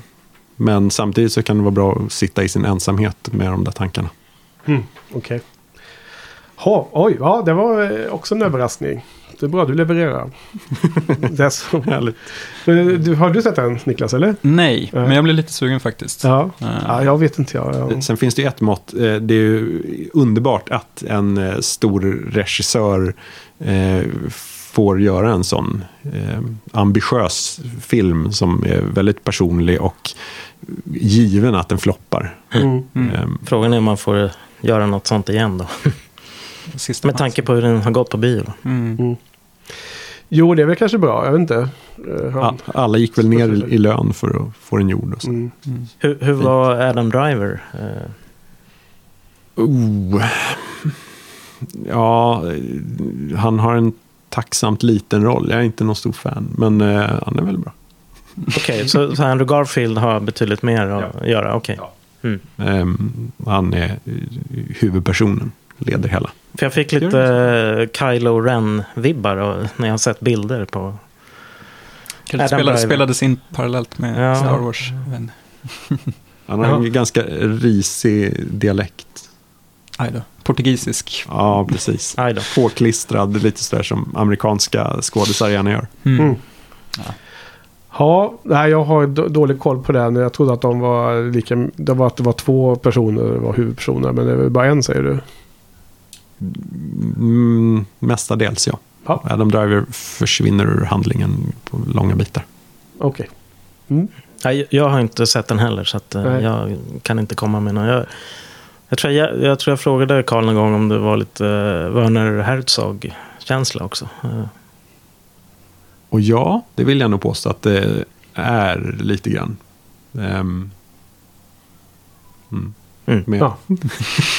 Herzog som har mycket det här med eh, naturen och eh, den, den eh, obönhörligt, eh, vad heter det, eh, eh, vad heter det, Na- att naturen bara är, den struntar i om människorna lider eller inte i, i sig och så. Eh, Var det mycket, Att livet är en kamp mot den där naturen, kanske. ja eller inte, men att den skiter i vilket. N- när han hör fågelsång ute i skogen så tycker han att det är fåglarna skriker av smärta snarare än att det är något vackert. Ja, jag tror... Det finns ja, något det- härligt citat är där. ja, Och som är inte Scorsese. nej. Nej, Han okej. tycker nog att det är en vacker skapelse. Ja, okej. Ja, det var Silence. Eh, för något som vill eh, förkovra sig i 1600-tals eh, miljön i Japan och katolska präster, eller? Men frågor om eh, imperialism och sånt där. Och protektionism, isolationism eh, är fortfarande relevanta. Mm. På, på andra plan kanske. Okej. Och eh, Då är vi tillbaka till den här eh, samhällskritiken som kanske är i många filmer Ja. från i år. Mm. finns ju alltid utrymme för. Ja. Och eh, religiösa funderingar finns det alltid utrymme för också. ja, det lär man inte slippa på länge. Ja, vad, eh, åttonde filmen, Niklas. Ja, när Carl levererar spännande spaningar här så kommer jag med gammal skåpmat i form av Hell or High Water. Som Ja. jag tänkte att vi inte ska uppehålla oss så länge Släpper vid. inte den riktigt. Nej, det jag kan inte släppa den. Eh, Nej, jag har inte så jättemycket att tillägga mer än att eh, jag tyckte verkligen om den och att eh, miljöerna fick mig att vilja åka på roadtrip Mm. eh, i det här Texas-landskapet. Ja, Mer än vad eh, liknande scenerna i Nocturnal Animals fick mig att göra i alla fall. Ja, just det. det, var, det var ingen trevlig roadtrip. Nej, den var inte så Nej. trevlig. Nej. Så ja, nej, men jag tycker den var värd att kolla in. En spännande ja, neo-western, eller vad man Mm, kallar den precis. för. Mm. Bra, bra beskrivning. Mm. Men du um, håller med eller är det något som du tyckte stack ut i vad jag och Johan sa om filmen? Nej, jag, tycker, jag, håller, jag håller med. Alltså, jag tyckte det var en bra, bra cast och Chris Pine överraskande bra. Uh, och uh, känns väl som att den ligger ganska rätt i tiden med de här uh, ja, USA där eh, det är lite splittrat och det känns lite som att... eh, det, Det- mm, mm. Visst var det lite på gränsen att det var övertydligt att skriva oss på näsan? Alltså den skrev ju oss på näsan. Men det var precis att det var okej. Det var ganska kanske- långt över gränsen. Ja, men det var väl kanske över kanske var gränsen lite också. för ofta de åkte förbi såna här skyltar om Ja. reklam för banklån. eh, Ja. Var och varannan minut. Så att, ja. Alltså jag är ganska okänslig för det. Så min bedömning var att det kanske var precis inom gränsen. Men du säger långt över. Jag kan köpa den Mm. också. Men, men jag gillar det. Mm. Alltså, det är samma 99 Homes och ehm, Killing Them Softly. Alla Ja. sådana där som verkligen kör en näve i ansiktet på en. Ja, de har ju något att säga och då Ja. vill de säga det. De låter inte en The Big folk Short torka. är också inne där och pratar om där. Hela, hela ekonomin som har rasat sedan 2008 och allt vad det är. Eh, Bubblan och hus, hus eh, bubblan och allting som den här är inne och eh, skrapar på. Och just det här med, med en Texas good old boys som löser sina problem med pistolen i hand. Ja, Mm. Känns ju väldigt tidsenligt med Trump Ja. som president. Precis. Fast den här gjordes ju innan så att det är ju lustigt där hur det ligger i tiden också. Förutspådde hur det skulle gå Ja. kanske. Ja. Jag ska ju faktiskt eh, åka på ro- roadtrip i USA i höst, augusti-september med en polare eh, från Los Angeles och ska åka sydöst och därifrån. Mm, Fast vi kommer till New Mexico kanske en bit längre. Spännande. Inte kust till kust. Alltså. Nej, nej, nej, utan vi ska åka hälsa på några i New Mex- Mexico så blir det liksom en eh, roadtrip före och efter i, i, det, i den kvadranten av USA om man säger så. Mm. Får se hur mycket vi hinner där på. Vi kommer vara borta en halv vecka drygt. Det blir himla nice. Plocka inte upp några liftar. Några konstigheter bara. Ja, den, gamla liftaren. Den, Gamla liftaren. miljön. Ja. ser Aaron Taylor Johnson där någonstans. Man kör därifrån. Kör. Den här står och gnider sig mot ballen liksom. åker man förbi. Ja. Okej, ja men vad bra. Då har vi den filmen på tre av våra listor. Mm. Vilket, eh, får se, se om Carl kan eh, fullfölja den eh, perfekta fyrlingen. Ja. Okej, på åttonde plats ska jag komma till då, då. Så tar vi lite paus sen, sträcka på benet. Eh, jag har en film som, eh, ska vi se här nu vad står det? La La Land? Nej, Moonlight står det. På åttonde plats. Åttonde plats. Moonlight. Eh, det var den filmen som vann eh, bästa film på Oscars. Och det var där de läste fel brev. De fick, Jaha, var det, det var var det det, ett skämt? det, var det, här det som var skämtet, att man läste fel här nu då. Det uppfattade inte jag. Nej, Ja. Det var så realistiskt uh, återgivet så vi trodde det var på riktigt. Nej, men de, de fick ju in någon, eh, ett brev med eh, någon skådespelarpris. Va? Var det väl? Och så, Emma. Emma Stone Emma Stones. får La La Land. ja, Mm. så, så de uh, presenterade den. Men, eh, så jag försökte göra en litet skämt om det. Nej, men åter till ordningen här. Moonlight. ehm, den har gått som en jojo upp och ner i min lista måste jag säga. Men... eh, och jag, jag tycker den är otroligt bra film. Eh, jag, jag tycker för det första att den är extremt... Det känns väldigt här och nu. Och jag tycker att den var väl värd att vinna Oscars för bästa film. Eh, sen är det ju frågan om de personliga preferenserna. Den här listan blir ju liksom de filmer som man själv vill... Eh, alltså som man själv eh, knyter an till och har det som de personliga favoriterna. Och eh, det finns ju filmer högre på min lista som kanske en filmvetare, professor på något fint universitet skulle kunna säga att den filmen är inte lika bra som Moonlight. Men jag skiter i de objektiva tekniska aspekterna utan det är rent känslomässigt. Jag tycker ju att Moonlight är otroligt häftig. Det är ju, det är ju om, eh, den här filmen handlar ju om en ung svart pojk kille som växer upp och man får se tre faser ur hans liv. Och han är gay och har liksom ett kämpig, han kommer verkligen få en eh, dålig, alltså, inte dålig men en kämpig uppväxt. Och ensam förälder som, som håller på med knarket och det är många olika faktorer. Ehm, jag, jag, tycker första tredjedelen är liksom fem av fem. Så otroligt bra. För mig är andra och tredje tredjedelen inte lika starka vilket gör att känslan i filmen blir inte så komplett för mig. Det var ju väldigt, väldigt synd. Jag hade gärna sett en film med bara den här första tredjedelen. Mm. Alltså förlängt till en hel film. Det är när han kallas för Little, han är liten. Eh, det är med Juan, eh, han som vann Oscars för bästa manliga biroll. Och vad heter han nu då? Mahershala Ali. Ja, vi skulle ju repetera det inför mm. poddningen Johan. Bra, du har gjort det. Jag har ju glömt Japp, det. jag har gjort det. mm. han, han är otroligt bra tycker jag den här filmen. Så att det var också tummen upp för att han vann Oscars. Han var ju med i... Um, Hidden Figures. Också, men han var med i, vänta nu. House of Cards. House of Cards, jag blandar alltihop.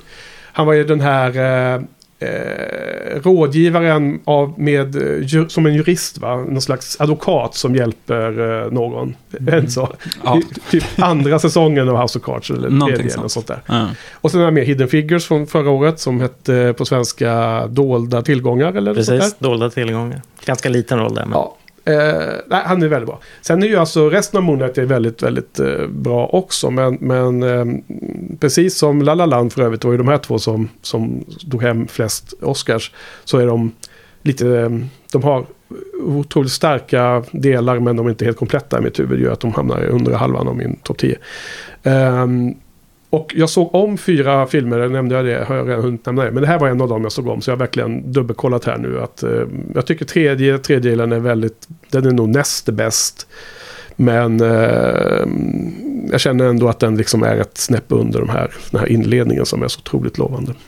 Jag vet inte, har du sett den filmen? Eller? Mm. Ja, mm. okej. Okay. Och ni har sett den också ja. förstås. Ja. Vi såg dem nästan samtidigt. Just det, jag, ja, det var ju på Stockholm filmdagar jag lyckades. Du knep sista platsen i salongen. Ja, du, minsta Folk, salongen, satt i gångarna. Minsta salongen där på Victoria, det var 41 ja. platser. Och det var helt planering. överfullt. Och det var supervarmt. Och ja, tala om bra film, eh, vad heter det, visningar. Så här var det liksom en mycket svag filmvisning. Och ändå så var det en film som hängde kvar i huvudet på mig jättelänge efteråt. Så att det var en eh, styrkebesked av filmen. Att trots den här eh, miserabla visningen så, så fick den liksom leva kvar i huvudet.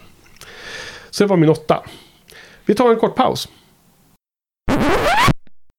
Så där, så efter en liten eh, välbehövlig bensträckare och eh, toabesök så är vi åter och nu så har vi eh, sjunde bästa film. Precis. Johan, shoot. Då kör jag. Nu, vi har ju haft en del så här lite dystrare filmer. Ja. Kanske och lite mörka filmer och thrillers och sådär. Men nu eh, blir det en komedi. Wow. Uh, The Edge of Seventeen. Ja. Uh, en, uh, Men är det en komedi? Det skulle jag säga. Jag, alltså om, om en komedi... Om, om jag skrattar väldigt mycket så då finns det i alla fall komediinslag. Ja, absolut. Eh, ja. Men visst, alltså man kan, det, är, det är inte en renodlad komedi. Ja. Alltså den går ju inte ut på att du ska... Alltså det, det är inte liksom komedi i första hand kanske. Utan det, det är väl en sorts drama med väldigt många komiska inslag. Precis. Drama, komedi, uh, American Independent, ja. coming of age. Ja. Det, när jag skrev... det är ingen päron till farsa-film va? Nej, precis. Det är inte en sån komedi. Det är det inte. Uh, nej, när jag skrev min text om den här så hade jag en liten utläggning om det här med komedier och vilka typer av komedier som funkar. Uh. Och då kom jag fram till att det var ofta de här som inte var... Det var liksom egentligen dramafilmer fast som har komiska inslag som uppstår på grund av hur karaktärerna beter sig och har betett sig och, och situationer som uppstår. Inte de här ah, mer direkta ja, komedierna. Dratta på ändan ja. Och, ja. och liksom fysisk humor utan det är karaktärsdrivet. Precis. Dialogdrivet. Exakt, exakt. Ja. Den dratta på ändan humorn kan ju funka i till exempel en, ett avsnitt av Mr Bean liksom, eller något sånt. Men inte som en hel film, kanske. Men jag håller helt med. Jag tyckte det var en intressant eh, fundering du hade där i din eh, bloggpost. Men jag, kan- tycka att man antingen är det en drama som är väldigt rolig eller så är det en komedi som också har dramatiska inslag. Och det är någon Mm. slags grundton som man måste bara känna i huvudet och så blir det ena eller andra. Men att, att det alltid kan vara mixat det är, det är nog bara ett tecken på att det är en bra och, och djup och bred film. Vad handlar den om? Jag har missat den Ja, här. eh, The Edge of 17. Ja, det handlar om eh, Nadine som är 16 eller 17 år och går på high school. Eh, och hon har en enda bästis. Som en bit in i filmen blir ihop med hennes bror. Och då Na, Nadines bror. Nadines, Inte sin egen bror. Inte sin egen bror. Nej. Nej, inte. No incest. Nej, Mörk ja, precis. twist. Precis, men då känner ju hon sig som femte hjulet. Eh, och man kan tycka att hon borde hantera det bättre, men hon... Hon är irriterad, trivs inte med livet, vet inte sin Hon är plats till- crazy. Hon är helt crazy. och Hon pratar... Eh, sågar allt och alla i princip. Den enda hon eh, kan anförtro sig till, eller i alla fall gör, det är en, en lärare som spelas av eh, Woody Harrelson. Mm. Och då, fram, det jag gillar mest med filmen det är deras scener egentligen. När de har en dialog. För att den här Nadine, då, hon spelas av Hailey Steinfeld. Heter hon va? Mm. Eh, hon är ju som en kulspruta. Hon pratar och pratar och pratar. Och eh, Woody Harrelson är en sävlig, långsam, lugn lärare. Och det Mm. blir väldigt roligt när den kontrasten eh, Ja. och hur han hanterar henne så att säga. Alltså det är ju en klassisk com- coming of age. Ja. Med, med mycket hum, med mycket så, här, eh, en, en komisk anslagston. Ja, Jag hade vansinnigt roligt när jag såg den här. Alltså jag brukar inte, det är inte ofta jag brukar sk- skratta. Liksom. Nu såg jag den hemma. Liksom. Mm. Ja, då kanske man tillåter sig att skratta ännu mer. Jag vet inte. På bio, ja, det beror på om hela salongen skrattar. Så visst, då kan man Mm. haka på. Men eh, nej, det fanns, jag skrattade otroligt mycket. Jag tyckte det var, fanns jättemånga pinsamma, eh, dråpliga situationer. Det, det är även eh, Nadine och hennes mamma har en del väldigt roliga scener när de bara tänker på sig själva. Eh, Mm. Och eh, Ja, de kommunicerar inte jättebra. Nej, den kommunicerar inte jättebra. Ehm, sen, ja, eh, jag tycker även den får ihop slutet. Saker och ting sker lite snabbt. Det, som du säger Henke så är det en coming of age-film. Och man kan väl tycka att den här coming of age går lite väl enkelt kanske. Ja. Eh, men eh, för mig så blev det, jag blev eh, berörd och tyckte det var ett, ett jättebra slut. Så att Suveränt. jag svalde det Mm. totalt. Eh, Plats sju helt enkelt. plats sju. Så att om ni inte har sett den så är det bara att... Ser eh, Nyfiken på om Karl har sett den? Nej, Nej. en som jag har missat. Så det är, det är nog först, eller nej, det är inte första filmen som inte så många har sett. Silence hade du bara du sett också. Just det, vad de är. Och de andra som du ja, ja, ja. Nej, men jag har sett den också. Mm, Och faktiskt. Och den är på min topp 40 kan jag säga. mm. Vilken tur. Nå- någonstans. Jag ska inte avslöja det då. Men, eh, Ja, jag vet att du blev inte riktigt lika Nej, precis. eh, förtjust i Nadine. Hon, hon är ju inte jättesympatisk kanske i, nej, alltså. länge. Dels har vi ju det här problemet med förväntningar. För jag tror att jag redan hade uppfattat att det här var nog en film som skulle ligga mig som handen i handsken. Och sen då, då är det ju alltid lite svårare. Det är större utmaning då ju. Eh, Att vara så öppen och neutral att man bara tar in den för vad den är. Och sen så, jag tyckte det var helt otroligt eh, härliga scener med läraren, mellan läraren och eh, Nadine. Jag tyckte det var en jättehärlig relation mellan henne och The Love Interest. Jag tyckte det var en skön Ja, den... eh, kompisrelation med kompisen. Mm. Men någonstans så saknar jag en, en eh, genuin eh, känsla av sympati mot huvudpersonen. Det saknade jag. Och då blir ju allt det här blir ju då lite mindre eh, väsentligt för en som tittare. Om man inte riktigt eh, tycker att Nadine är eh, sympatisk nog helt enkelt. Mm. Det var det som saknades. Mm, mm, man gillar inte huvudpersonen. mm. Ja, då Nej, är, då är det, lite- nej, men jag, förstår, jag vad du menar. Ja. Nej, Det jag, var ju lustigt att du jämförde med två um, karaktärer i eh, Buffy som jag älskar båda. Ja, jag jämförde med Anja och eh, Cordy Mm. eh, i Buffy. De är ju så här sanningssägare kan man säga. Ja, Eh, vassa eller tungor och definitivt är de det. Och, eh, ne- obekväma ibland. ja, så, och Nadine är ju verkligen så eh, Ja. också. Eh, sen har de väl andra eh, skillnader då. Att, eh, Ja, för det lustiga och därför jag tyckte att det var... Hade jag liksom du skrivit det innan jag gått på den, hade jag varit ännu högre förväntningarna. oj då. Eh, Men jag fick inte allt, alls den samma känsla av att det stora varma hjärtat som jag kan känna att det finns i karaktärerna, inskrivna i karaktärerna i, i Buffy-serien då. Ja, okej. Men det var Edge of 17. Mm. Japp. Vi går vidare. Karl, nummer sju. Jajamän, här kommer nog den enda som jag inte har sett på bio. Ehm, Ja, eh, Den enda som jag inte har sett. tror jag. Ja, Det är eh, Lemonade. Eh, Beyoncés eh, visual album. Jaha. Mm. Nu ska vi se här. Är det tillåtet? Är det, vad är detta? Är det här en film eller? klart att det är tillåtet. Ja, ja, ja, allt är den, tillåtet. den, eh, ja, den visades på HBO Ja. ehm, någon, Men vad är det då? dag. Alltså en, en list, är det en radda av musikvideos eller? Mer eller mindre ja, sammanknutna med eh, ehm, någon, hennes berättarröst. Okej. Och Som li, lite poetiskt väver ihop alltihopa. Det är en väldigt eh, eh, politiskt laddat innehåll i de här. Just det, var det den här skivan som bara släpptes helt oannonserat? Kanske det. Eller ni känner inte till heller? Jag tror att det, Jo, var, det eh, blev som en nyhet att nu har det helt plötsligt kommit ett, en ny skiva från Beyoncé som ingen visste om. Jag tror det var den skivan.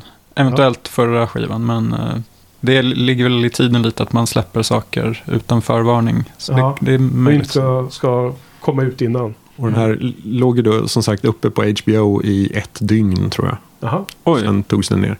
så du passade, visste du om det då att den skulle göra det? Eller? Ja, den hade visats i USA först och sen när den kom på svenska HBO. Så. Men varför var det Höga. bara ett dygn? Förstår inte. Ja, vem vet. Skulle det har vara det exklusivt. Ja, De så kallade myndigheterna förbjöd den? Nej, Ja. det är väl en strategi, marknadsföringsstrategi. Okej. Sen säljer de väl den säkert Ja, löst. och så får folk ta, ta ner den på bukten istället sen. Det var nog inte tanken. Men, men, Ja, men eh, vad spännande. Men vad, vad, varför kom den så högt upp? Vad, vad gav den? Det, ja, ehm, Insikter om livet eller? Nej, alltså dels är det ju som sagt väldigt laddat eh, innehåll. Mycket eh, svart historia, kvinnohistoria vävs ihop till nutid på något sätt. Och dessutom väldigt personlig för henne eh, kanske. Mm. Ehm, och ehm, det är väldigt hög konstnärlig ambition i de här. Det är väldigt, väldigt snyggt filmat. Eh, många har jämfört det med Terrence Malick än en gång. Okej. Ehm, och det känns väldigt träffande. Och det, Mm. det, det som framförallt fångar mig kanske är själva ehm, tonen i helheten. Att de, inledningen är väldigt fylld av vrede och besvikelse. Eh, som sagt, det är både politiskt och, och personligt och, och Ja, ja. mycket historiskt och så vidare ner genom generationerna. Ehm, men sen går den sakta igenom hela vägen till någon sorts försoning så att man faktiskt kan göra något konstruktivt och gå vidare. Det tycker jag är jättefint. Ja. För de, många eh, stannar ofta vid eh, bara problembeskrivningen och ilskan över att saker är, är Mm. fel. Ehm, då, Helt klart. då är Är det, det som en uh, musikvideoversion av den här 13th, eller? oh, den har jag inte heller sett. Nej. Ava DuVernays heter de, en dokumentär om Mm. trettonde tillägget. Men är det, ja, det där vi känner jag inte ens till. Men är det någon känd regissör som gjort det här? Eller vad är det för några Nej, kreativa det- folk bakom? Hon står ju dels själv som regissör på vissa, det är olika på eh, olika delar, Ja. olika videor. Så inga direkt kända Mm. kanske. Jag, jag kanske Okej. kan ha missat någon. Men ehm, och så är det förstås bra musik. Ja. ja, det var ett tips. Man får Ja, ta med sig. jag hoppas den eh, går att liksom få tag på Ja. och, och, och liksom betala för att se via nätet. Mm. Jag har ju slutat köpa de här plastbitarna. DVD. DVD. Ja, Blu-ray. Ja. Ja, ja okej. Ja, det var... eh, Intressant. Ja. Mm, otippat. Mm. Vad har du att bjuda på då Niklas? Ja, nu blir det koreanskt här. Ja. I form av The Wailing. eh, Oh, som... eh, Jag har tappat namnet på regissören. Karl kanske kan fylla i... Nej, Är, är det Han Ong Jin kanske? Ja, det är möjligt. Jag, Nej. Det, Mm, nej. det är det inte. Nästan. Vi, eh, vi, vi får återkomma. Vi skriver det in i show notes. Ja, precis. Senast. Ja, eh, nej men det här är ju då en så här, i, i genren eh, sydkoreansk seriemördar-thriller på landsbygden. Kan, Supervåldsam förstås. Ja, eh, ganska grafiskt eh, våld. Eh, Och det regnar mycket. det är mycket regn. Eh, mästerverket i genren är väl, räknas väl som i eh, Memories of Murder, skulle Mm. jag säga är Mhm. toppfilmen. Den är riktigt bra. Hur, när är den ifrån då? Den kan väl vara en fem, sex år sedan kanske. Okej. Eh, lite, Seven, fast eh, koreansk Ja. typ. Ehm, eller Zodiac kanske är en bättre Mm. jämförelse. Mm. Eh, här, eh, här har vi då lite mord ute på landsbygden som sagt. Och det finns eh, eventuellt något övernaturligt inblandat eh, i det också. Och så följer man då en polis som eh, är så här, på ett typiskt sydkoreanskt sätt väldigt så här, klumpig och fumlig Nej. i, Ja, i sin ja. utredning. Man kan aldrig slippa den här eh, Nej. farsartade eller? Nej, precis. Det blir nästan lite snudd på buskis ibland när Mm. han liksom eh, snubblar omkring där i. Jag tycker inte det var så farligt. Jag är väl ganska liksom förberedd på det också. Men jag har hört att många stör sig på just eh, de delarna. Ehm, men, men den blir ju mer och mer eh, jag vet inte, seriös, mörk i sin Mm. ton. Och jag får erkänna att eh, jag hade ganska svårt att hänga med eh, i alla vändningar. Men eh, jag har också hört att den här regissören, att det, var, att det är ganska medvetet från honom att man ska känna sig lika förvirrad eh, som huvudpersonen. Att Ja, det, man ska inte kunna få alla bitar att passa ihop, i alla fall inte vid första tittningen. Ja. Men sen har jag tittat på en sån här kort YouTube-förklaring Ja. sen efteråt och då kändes det att den lyfte lite ytterligare. För den... Ehm, ja, det är svårt att sätta fingret på vad som gör den så bra, men den, den, har, den har ett väldigt eget eh, uttryck. Den har Mm. mycket så här, inte, sch- schamaner eh, ser man inte så ofta i så här eh, Låter lite thriller-sammanhang. men- som True Detective säsong 1-aktigt. Ja, men lite så. Lite så här ritualaktiga mord Mm. och så vidare. Och som sagt övernaturligt också. Okej. Man, Intressant. Ja, verkligen. Det- Och det låter som en film som växer också efter titeln. ja, för mig gjorde den det. Hur var det för Det- dig, Karl? Mm, jag vet inte om den har växt så mycket, men, men eh, den är väldigt speciell. Det är roligt perspektivskifte för honom jämfört med The Chaser och Mm. Yellow Sea. Ja, det är samma regissör ja. Ja, Mm. Chaser är ju jättebra. Där eh, poliserna är lika fumliga och inkompetenta, men är ju biroller där och eh, jagar kanske huvudpersonerna. och här får man då följa polisen själv som är, eh, är hysteriskt rolig i början och sen skenar den totalt. Sen dessutom bästa barnskådisen eh, på många år tyckte jag. Mm. Ja, det är så Exorcisten-klass på eh, den ungen. Linda Blair, alltså sån, Aha. sån nivå är det.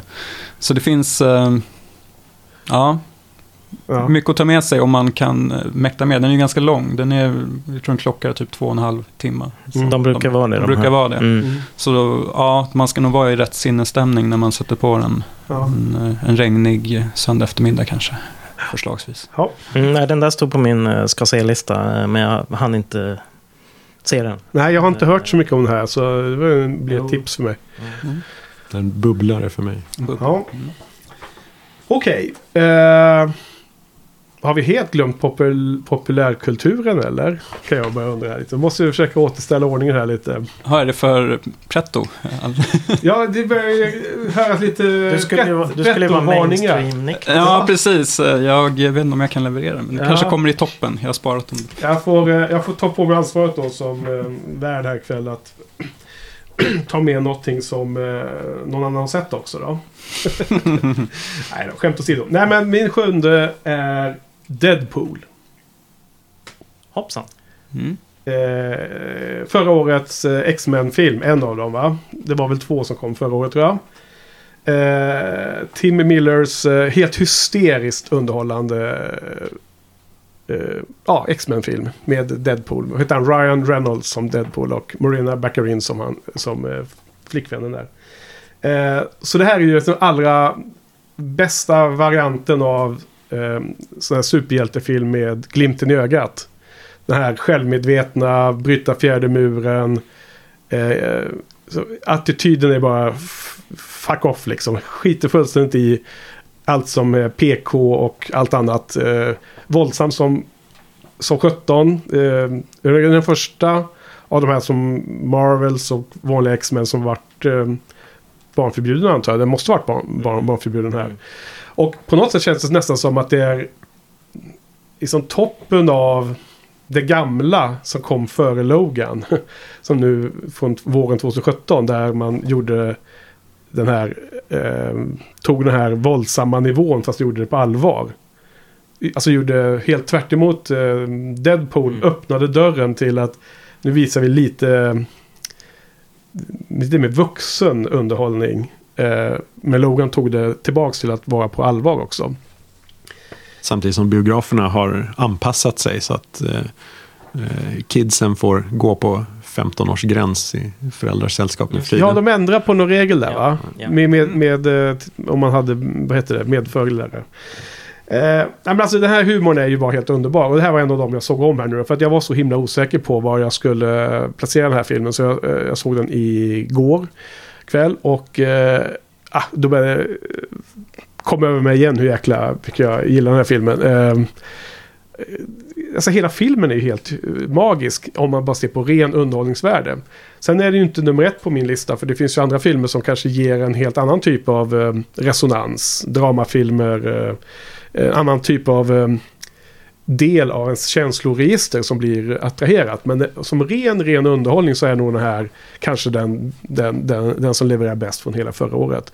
Och eh, bara som ett exempel, nu, jag vet inte om ni kommer ihåg det, men bara de här otroliga scenerna när de håller på och bygger IKEA-möbler hemma hos en blinda eh, gamla damen som han bor hos. Där de höll på att rabbla massor med olika IKEA-möbler. Det var ju så himla roligt. Så jag höll på att skratta ihjäl mig här igår.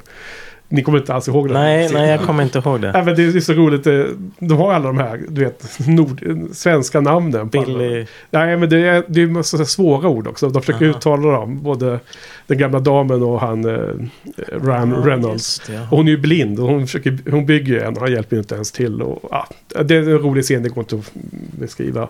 Det får ni se om. Eh, så Deadpool på plats sju. Härligt. Eh, nu har jag tre stycken eh, jätteförvånade personer fram. Ja. Men som sagt, populärkulturen Ja. måste ha sin plats. Ja, jag, tror, eh, alltså jag gillar den. Jag tror jag gav den tre av fem i betyg. Om jag ska Ja. säga. Eh, Men eh, ja, nej, den var ju inte nära någon topplista. Det var den inte. Men det är inte riktigt min typ av humor kanske. Det där. Nej, det, det skulle jag gissa också. Meta... Ja, det är någonting där som gör att jag känner någon sorts distans. Jag vet inte. Går Ja. inte helt hem. Alltså redan när man ser... Det allra första är ju... Det börjar direkt med eh, förtexterna med... Eh, Jo, de var roliga. De var roliga. Eh, Det, så, så titles där det står vet skådespelarna och sånt. Och det står inga namn utan det står ju ett, Mm. som, som, eh, som de här um, YouTube-kanalen Honest Trailers. Om omskrivningar om varje person. Och som det riktiga, liksom sanna eh, anledningen till att de är med i den här filmen och allting. Och sen har de ju massor med metahumor i eh, filmen. Där, jag menar, när han dyker upp i eh, den här skolan för The Gifted. eh, Där, eh, vad heter han? Eh, Professor X. Ja, Professor X brukar vara. Och det är ju bara två som hänger där hela tiden. Mm. Och man får inte se några fler X-Men. Och han kommenterar ju det mot kameran också. Ja, men stu- filmstudion hade ju inte råd med fler än två X-Men till här liksom. Så att det är därför det ser så tomt ut här. Det, det är den typen av humor är det ju väldigt mycket av. Och sen, sen är ju också filmen otroligt mörk helt plötsligt. Jag menar de här scenerna när han... Ja, det har ni sett filmen eller? Ja. När han åker iväg där med, med sin cancer och ska liksom... Han försätter sig själv i situationen att de ska göra de här grejerna med honom. Och det de gör med honom och den scenen och det sättet han kommer fri. Det är otroligt mörkt alltså. Det är ju, det är ju så eh, blandat mellan eh, übervåld, eh, roliga one-liners skämt och en väldigt sorglig underton. Och man, man tar allt det här och så blir det Logan om man tar bort humorn liksom. Om man tar bort Det vill säga mycket komedin. bättre. Mycket Ja, bättre. Logan är ju superbra också. Jag älskar den. Ja.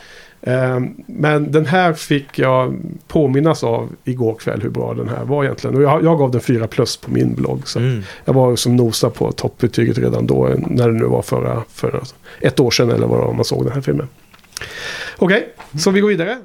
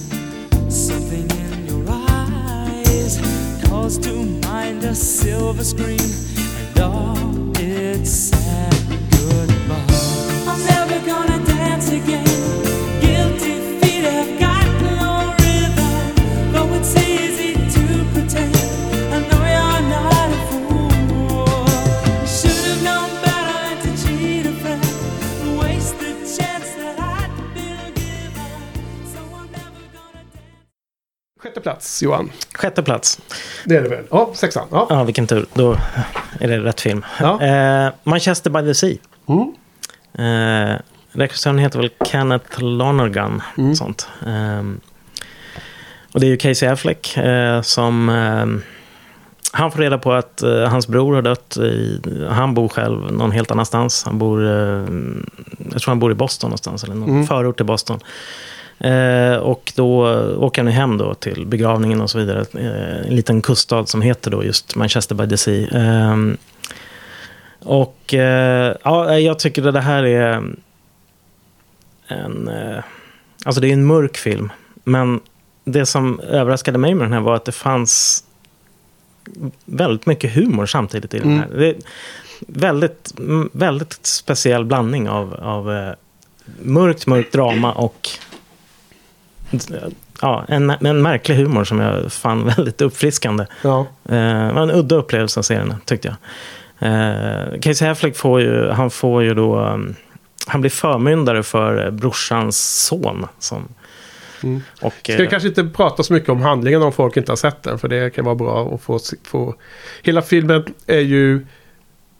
Det som är en av fördelarna med den här filmen är ju att man leds av regissören och klippningen av filmen att förstå mer och mer av handlingen. absolut. Under hela filmen. Så att jag tycker att det, där ska man Ja, nej, inte det- prata så mycket mer om. Ungefär så händer. mycket som jag sa tycker Ja. jag ändå är okej. Ja. Eh, Ja, precis. Men det, det verkar som att du skulle nej, jag berätta skulle, mer. nej, jag skulle inte säga något mer. Eh, För det är en av eh, de styrkorna med filmen är just att man får veta mer och mer allt eftersom. Mm. Nej, så att det är ju en sorts mysteriefilm kan man säga. Så man får ju... Ja, som du säger.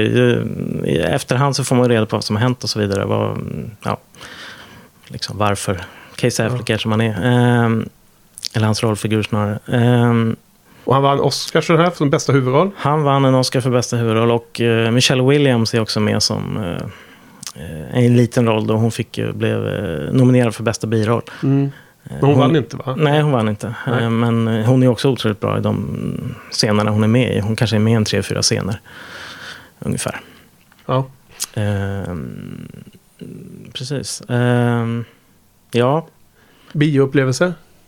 nej, Hemma? hemma. Ja, okej. Eh, det funkade bra. Ja. det var inget, Ja. inget sånt. Eh, Dammigt i rummet? Nej, inte dammigt i rummet. Inte på det sättet. Eh, Nej. eh, Men eh, ja, den har ju...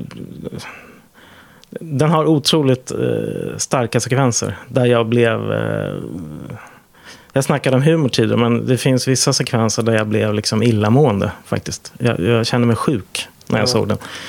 Så att det var ju skönt att det vägdes upp med någon typ av humor. Mm. Eh, Just relationen mellan sonen och uh, Casey Affleck var, hade en del ljusglimtar. Mm. Mm. Ja, precis. Nej, det är... Dramafilm som är, blir väldigt tungt har, har med fördel en del humoristiska scener för att liksom balansera filmen. Mm. Eller hur? Mm. på något sätt för att kunna vara så tunga som, den, som i vissa filmer är i vissa scener så behöver man någon form av balansering för att inte det ska bli bara misär kan jag tänka. Mm. För, för det var väl det som Elisabeth sa någonting, var inte det om den här filmen? Ja, att, Alltså, eh, hon, hon, det var, var, hon har sett det på något flyg över till ja, USA. flyget Det var över, bara misär, eller vad sa hon? Det var flyg Ja. över till Boston som hon såg filmen. Till Boston till Boston just Ja. för att ladda upp. Nej, hon sa att den var, jag tror hon menade att den var bedrövlig fast på ett bra sätt. Liksom för att det var, Ja, den är- att, mi- att mycket misär och att den var tung. Alltså det, det, det finns eh, inslag av misär, det, så är det ju. Men eh, jag vet inte varför jag eh, fann vissa situationer eh, märkligt. Det är, just, Ja. det är någon form av svart humor, men eh, ja, jag blev lite överraskad av just det i alla fall. Det Ja. inslaget. Ja, men det är precis som man ser, eller som i verkligheten när man går på en begravning och folk är jätteledsna. Och hur den, eh, när man på, på kaffet efteråt eller när, när släkten träffas och liksom den här tunga stämningen från kyrkan har försvunnit och man liksom eh, tar en, ett glas vin tillsammans och pratar om livet och helt plötsligt så, så kan det vara jätte eh, så här, Som en fest. upp, uppåtstämning. Mm. För att det, man har liksom kommit förbi den här, den här, eh, eh, det här tillfället när man liksom hade sorgen. Det är nog den typ av balansen som man kan få fram i de bästa typerna av filmer också. Mm, Och mm. det här är ju en riktig filmfilm. Det är en filmfilm. Film. Riktigt bra gjord liksom i Mm. alla perspektiv. Mm. Ja, Mm. har du sett den eller? Jag har inte gjort det. det. Den verkar så tung. Men nu låter det i och för sig som att det finns eh, liksom, ljusa ljusglimtar i den. Ja. Så att jag måste absolut kolla in den. Ja. Har du sett den, Carl? Ja. Mm. Okej. Ja, men eh, inga, inga mer kommentarer? Nej, inte just nu i alla fall. Nej. Vi får se om den dyker upp senare kanske. Kanske. Ja, nummer sex från dig då, Carl. Jajamän, jag återvänder till Sydkorea här också. Eh, lite mer Buffy-pods anpassat. Train to Busan. Ja. Mm. Just det. Eh, zombiefilm på tåg. Eh, tåg är ju alltid bra på film. Ja, Absolut det är det. bästa. Underbelägring 2 är favorit. Ja. Mm, Kanske inte var den någon tänkte på. Agent 07 ser rött. ja. From Russia with Love. Runaway Train. Ja, den är ju bra också. Snowpiercer. Mm. Sådär va? Släng morsan av tåget. Den är bra. Ja. Tänk hur den hade varit om den inte var på tåg. ja. Ja. Okej, Train to Busan. Ja. Ja, eh, det är ju en... Hur Eh, många gånger har du sett den här på bio? Två. Två. Mm. och eh, andra gången var den inte riktigt lika bra. Nej. Eh, för slutet är alldeles för utdraget och segt och sliskigt och sentimentalt. Eh, Men det brukar du gilla. Jaså? Nej.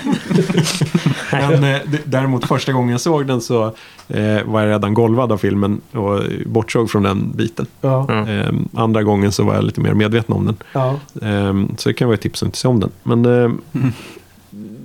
det som jag gillar, jag är ingen stor fan av zombiefilmer normalt, men jag uppskattar när eh, zombierna fyller en tydlig eh, funktion rent allegoriskt. Mm, I samhällskritiken. Ja, precis. Här hjälper det till kanske om ifall man har sett den animerade prequel-filmen eh, Soul Station. Soul Ja. Station, ja. Ja. Mm.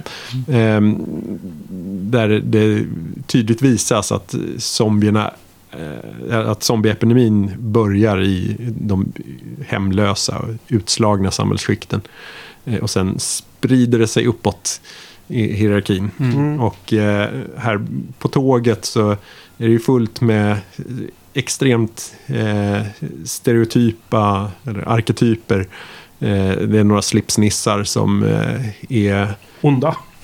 Precis, Mm. ja, Svin. Inte, inte nödvändigtvis onda, men goda representanter för en eh, individualistisk eh, världssyn. Kanske Ja. där, eh, Eller egoistisk. där kanske. ja visst.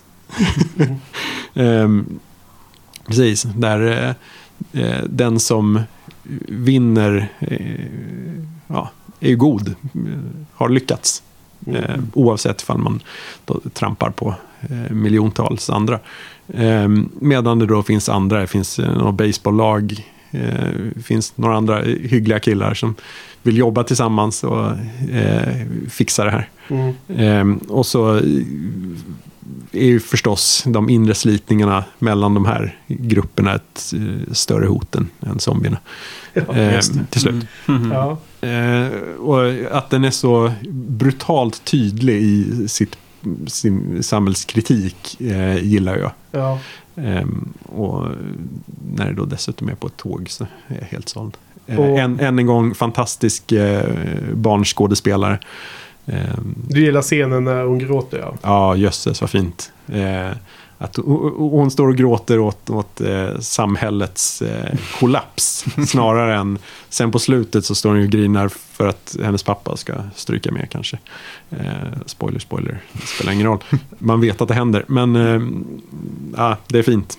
Ja. Mm. Men hon ser hur de, eh, åt båda hållen så, de har st- stängt ute varandra och de, de kommer inte fram och de kan inte samarbeta. Och så, de äts av zombier från båda hållen ungefär. Hon står i mitten och gråter va? Mm. Något sånt där. Ja. Jag har ju sett båda de här filmerna. Och vi såg dem ihop Johan. dessutom. mm. Jag tycker att det är lustigt att den här animerade filmen som är förfilmen som heter Soul Station som du nämnde.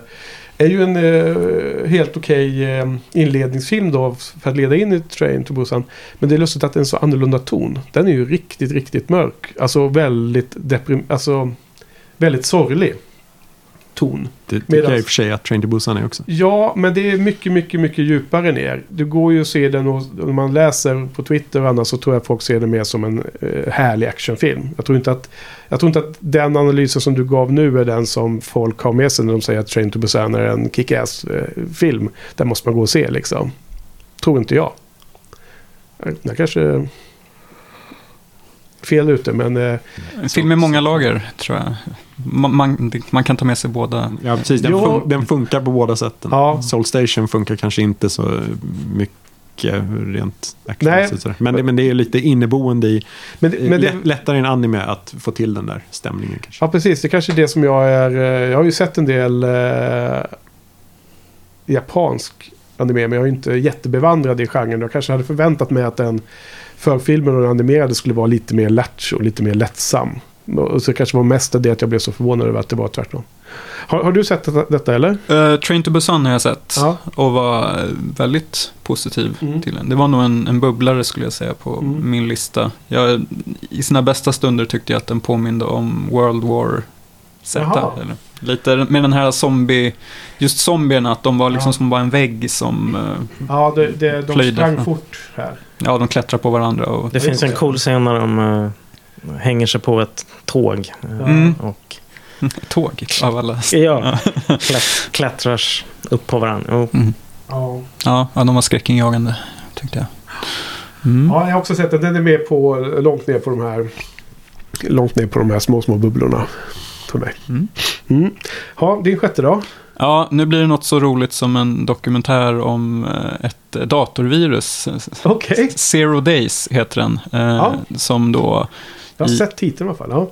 ja, eh, den berättar ju då om det här viruset som heter Stuxnet. Som Mm. eh, amerikansk och israelisk underrättelsetjänst eh, tog fram för att eh, plantera i en så här, iransk kärnvapenanläggning. Anläggning, Okej. eh, tror jag det var. Mm. Och, eh, och så visade det sig då att det här viruset, de har inte så bra kontroll på det och så börjar det liksom sprida sig. Och ja, det filmen vill berätt, berätta, eller dokumentären då, är väl att det här är framtidens krigsföring. Det här Ja. med att man slår ut varandras infra, infrastruktur och så med dator, dator malware, eller Ja. vad man säger. Och jag som absolut inte är bevandrad i sådana här eh, teknikali- teknikaliteter, jag förstår ju ändå liksom, filmen för att den är väldigt pedagogisk och bra på att förklara allting. Och också att måla upp alla de här eh, skräckscenarierna som eh, kan, kan uppstå när, ja, fi- filmen menar på att de här hackerattackerna, att det kan vara att det är liksom farligare än kärnvapenattacker egentligen. För att det Oj. är mer effektivt att slå ut infrastruktur och sådana såna delar. Mm. Ehm, jag köpte den idén i alla fall. Och eh, ja, de har löst det på ett bra sätt med att presentera fakta och eh, folk som eh, uttalar sig då, fast anonymt, då, som har jobbat på de här avdelningarna där det här viruset togs fram och så vidare. Mm. Eh, Alltså det är intressant det där. Jag, jag har ju väldigt, väldigt sällan med dokumentärer på topp 10-listorna när man bara tänker efter vilka filmer man själv reagerar bäst för.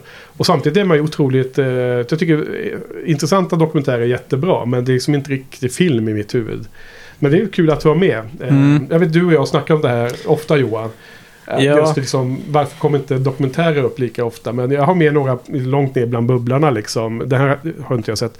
Eh, och de dokumentärer som, som trots allt slår sig igenom högt upp, det är sådana som är väldigt lekfulla med formatet. Då. Mm. Hur, hur är den här? Är den mer traditionell eller är den Den är väldigt traditionell skulle jag säga. Talking Heads eller vad Ja, man kallar det? Typ Talking Heads kan man säga och så här arkivbilder och sånt. Eh, Men jag tyckte den var så intressant så jag, jag kunde bortse från att den var Mm, ganska mm. liksom, eh, den håller sig inom Mm. dokumentärfilmsramen. Kul, kul med lite breddning då, men det, det var ingen Mm. dokumentär som slog sig in hos mig i år heller faktiskt. Nej, okej. Den, Ja. den här titeln, Ze- Zero Days, vad, vad syftar den på? Den ska på något sätt eh, vara en blinkning till eh, en, jag tror det är en, en dokumentärfilm om, om just kärnvapen som heter Countdown to Zero. Mhm. Och att eh, någon jämförelse där med att Zero Days, att det, ja, det är någon Mm. apokalyptisk eh, förvarning. Ja. Att, eh, Det är väl också något koncept med zero day virusgrejer. ja, det är kanske det snar, Som är snarare. vadå? Vad är det för något då? Säg det. Ja. Jag tror det är en, dub, ja, en dubbel, en dubbel betydelse med titeln där. Men det finns ju också någonting, Ground Zero som är typ... Eh, Mm. Ground Zero typ med, med och på Manhattan och så vidare. Där, där liksom, Mm. eh, så det kan också vara någon vinkning till det. Och sen brukar väl... Patient Zero brukar man också prata om när det sprider sig smittor. Va? Så att, Ja, ursprunget där Ja. på något sätt. Ja, Inte minst i World War Z och sådär. just det. Mm. Även, även om eh, när i filmen när han flyger tillbaks västerut. Och de flyger över Indien. Då ser man ju att det sprängs en atombomb. Har har du tänkt på det i den filmen? Nej. Alltså när... Eh, vad heter han? Eh, Brad Pitt åker tillbaks ifrån Korea. Mm. Eh, och har hamnat till, i Jerusalem till slut. Då åker de ju över Indien. Mm. Då ser man ju eh, långt ner, alltså man ser på... Han flyger ovanför eh, molnen men man ser att det är en kärnvapenexplosion där nere. Man förstår ju att indierna... De, de släpper inte ut ett virus så att säga. Nej, okej. Mot, eh, mot sina motståndare zombierna. Utan det, var, det smäller av en bomb där nere. Ja. Det är en liten eh, cool de, detalj. Mm. Den där filmen har jag nog sett tre gånger faktiskt. Mm, ja, den är jag tycker den är svinbra. Mm. Ha, dokumentär där, eller vad säger du Johan? Det är svårt att få dem att Det är komma svårt. upp på Det är svårt. topp 10. Ja, det, är no, det är någonting med formatet. Det måste, som du säger så måste det vara något speciellt. Ja, eh, det har väl hänt på senaste åren att jag har haft dokumentärer, men det är inte ofta. Det, Mm. det är det inte. Ofta så får de så ja det var bra, men eh, intressant, eh, Ja. informativt. Eh, men just det här wow-känslan. Svårt för dem att få in flera lager än vad de faktiskt har att säga Ja. explicit. Eh, Även om kanske en lyckades hyfsat i år. Jo. Mm. Som kanske ingen har med på listan. Vi får se. Inte jag heller. Nej, jag, jag försökte med Tower, men den, ja, den var okej, men den, den kom på långt Jag ner. tänk, tänkte på Tickled. Jaha, ja, ja, den men det har inte jag sett. Nej, jag har förstått att det är något speciellt med den. Man ska inte googla sönder det. Man ska nog bara se den om man vill se den. En omtalad dokumentär så får det räcka. Har du sett den? Jag har sett det. Okej. Mm. Avslöja ingenting. Nej. Ehm, nu är det jag, sexan. Sjätte plats så är det ehm, en filmfestivalfilm från i höstas. Och det är Jim Jarmusch film Patterson. Patterson heter den. Mm. Med eh, Adam Driver i huvudrollen.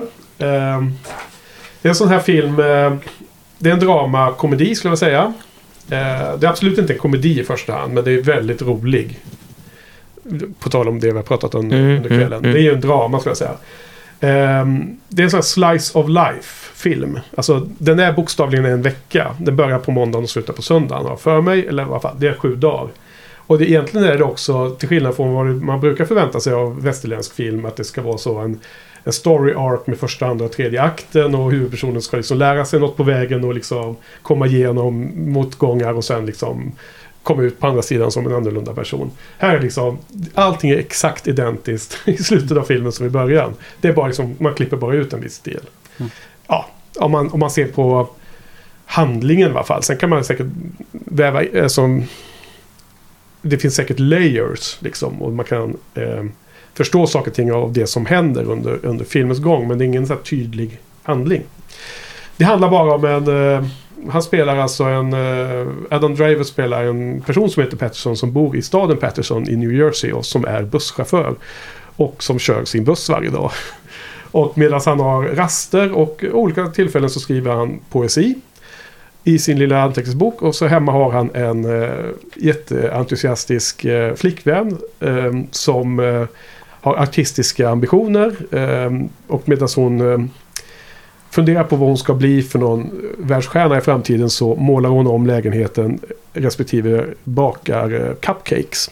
Och så har de en eh, vresig hund. Det är handlingen. Och den är så jäkla skön. Någon som har sett den här filmen? Ja, ja Du jag har har sett sett den? Ja, Var det en beskrivning som du köper? absolut. Ja. Ja, det stämmer in. Ingen med? Nej. Nej. Eh, ja, men den är... Eh, igen är det en film som är stämningen är nästan allt. Det är liksom... Det är inte någon häftig handling eller något, någon... Vad heter det? Twist eller eh, så. Utan det är en... en du, du tittar in i, liv, i hans, deras liv och sen så är du besviken när filmen tar slut. Att den inte fortsätter lite till. Och jag tycker att den är väldigt poetisk i sin ton och den är rolig. Och den har massor med lustiga karaktärer. Eh, sidofigurer. Och den är eh, eh, förbryllande nog utan att den säger det till dig så gick jag ifrån filmen med liksom en, en känsla av att den var otroligt livsbejakande. Utan att de egentligen sa det på ytan då. Utan det är någonting i själva historien som jag tycker kändes väldigt positiv. Men kan man njuta av den här filmen även fast eh, Adam Driver spelar huvudrollen? Jag tänker för Karl som har lite svårt för... Han är en av mina favoriter just nu. Jag tycker han är jättebra. Så att eh, hade jag haft eh, stora problem med den skådespelaren så eh, så hade vi såklart ändrat på uppfattningen. Men jag eh, jag jag trodde inte ens att det var möjligt att ha problem med honom. Så jag har inte riktigt funderat på, den, på det perspektivet. Men det är klart att det är väldigt, han är väldigt central för filmen. Han är ju med i typ alla scener skulle jag säga. Ja. Så att eh, har man jätteproblem med honom så är det ju ehm, kanske man ska se den just för att utmana sina egna förutfattade meningar. Jag menar till exempel, jag, eh, om man tittar på Kristen Stewart som jag tycker helt plötsligt var jättebra i Woody Allens film från förra året. Som jag, när man sett de här, jag har bara sett två första Twilight-filmerna, sen orkar jag inte med mer. Och där är hon bara för eländig tycker jag. Men det är väl antagligen manus då, då i det fallet. För helt plötsligt så var hon jättebra liksom. Så att eh, få utmana sin smak där, Carl. Ja, Det var, det var Niklas som bollade över till dig Ja, via mig. Jag modererade. Ja, Ja. ja men det är välkommet. Hur står sig den här jämför- alltså med Jim Jarmers tidigare filmer? Ja, alltså eh, nu tyckte jag i och för sig också eh, Only, vad heter den nu? Lovers Left Alive. Ja, den vampyrfilmen var ju väldigt bra, men den är ju helt annorlunda. Jag tycker nog att den här är ju nog, på tal om Woody Allen då, då och Kristen Stewart så är den nog här mer lik en Woody Allen-film av den bästa sorten, om jag nu skulle jämföra. Eh, jag tycker nog att det här är hans bästa film, men det är också, ja, ja jag tycker Jim Jarmusch är ganska bra. Men Mm. Eh, de är oftast liksom så här fyra och fem men inte de absoluta topparna. Men det här var en riktigt nice upplevelse. Det kanske var att det var en bra visning och sådär. Jag kommer inte exakt ihåg vilka vi var som såg den på filmfestivalen. Men jag såg den nog med Johan eh, S tror jag. Och kanske Britta. Kommer inte ihåg. Men det var i alla fall härlig, härlig film liksom. Mm. Eh, vad tycker du jämfört med hans andra filmer? Eh, jag tycker den här vampyrfilmen, Only Lovers Left Alive, är eh, bättre. Ja, Den gillar jag verkligen stämningen i. Ja. eh, Patterson var trevlig, mysig. Men jag blev inte helt eh, tagen av det. Den, den, den skulle kunna vara en bubblare kan man säga. Mm. Nej, men det var, blev en sån perfekt feeling runt den här filmen. Så det är det som har levt kvar. Skulle jag se om den kanske man skulle få en annan ny uppdaterad bild av den. Men det, det var det här som, som hängde kvar i huvudet. Ja, ska vi gå vidare? Mm. Mm. Eh, ska vi se här nu då. Eh, vi tar en liten paus. Okej då, så nu har vi gått igenom platserna 10 till 6 och eh, då kommer vi bryta här och sen kommer vi fortsätta den här eh, nedräkningen nästa vecka i del 2 av eh, topplistan från 2016. Så jag vill tacka alla gästerna för eh, den här första delen av podden. Ja. Tack Johan. Tackar. Tack Karl där borta. Tack så mycket. Tack Niklas. Tack Henke. Ja. Och eh, var någonstans finner man er på, eh, på sociala medier och bloggar och annat? Du, Eh? Jojenito är det nog bara att söka på så hittar man mig på Twitter, och Mm. Instagram och Wordpress.com. Perfekt, då kommer jag skriva upp det i show notes. Och Karl? Eh, hitta mig på haruntesetten.se Ja, och precis. eh, leta rätt på min letterboxd-profil. Så. Mm, perfekt. Eh, samma där eh, Buffypodden ligger på har du inte sett det.se. Ja, och Niklas? Eh, Man kan hitta mig på Twitter på Niklas Lundqvist. Eller söka reda på min spelpodcast som heter Späckat. Späckat. Med dubbel C. Dubbel-C, E S-P-E-C-C-A-T. Ja. Och mig hittar ni på eh, Fripps filmrevyer samt podden här då på har du inte sett det.se. Okej.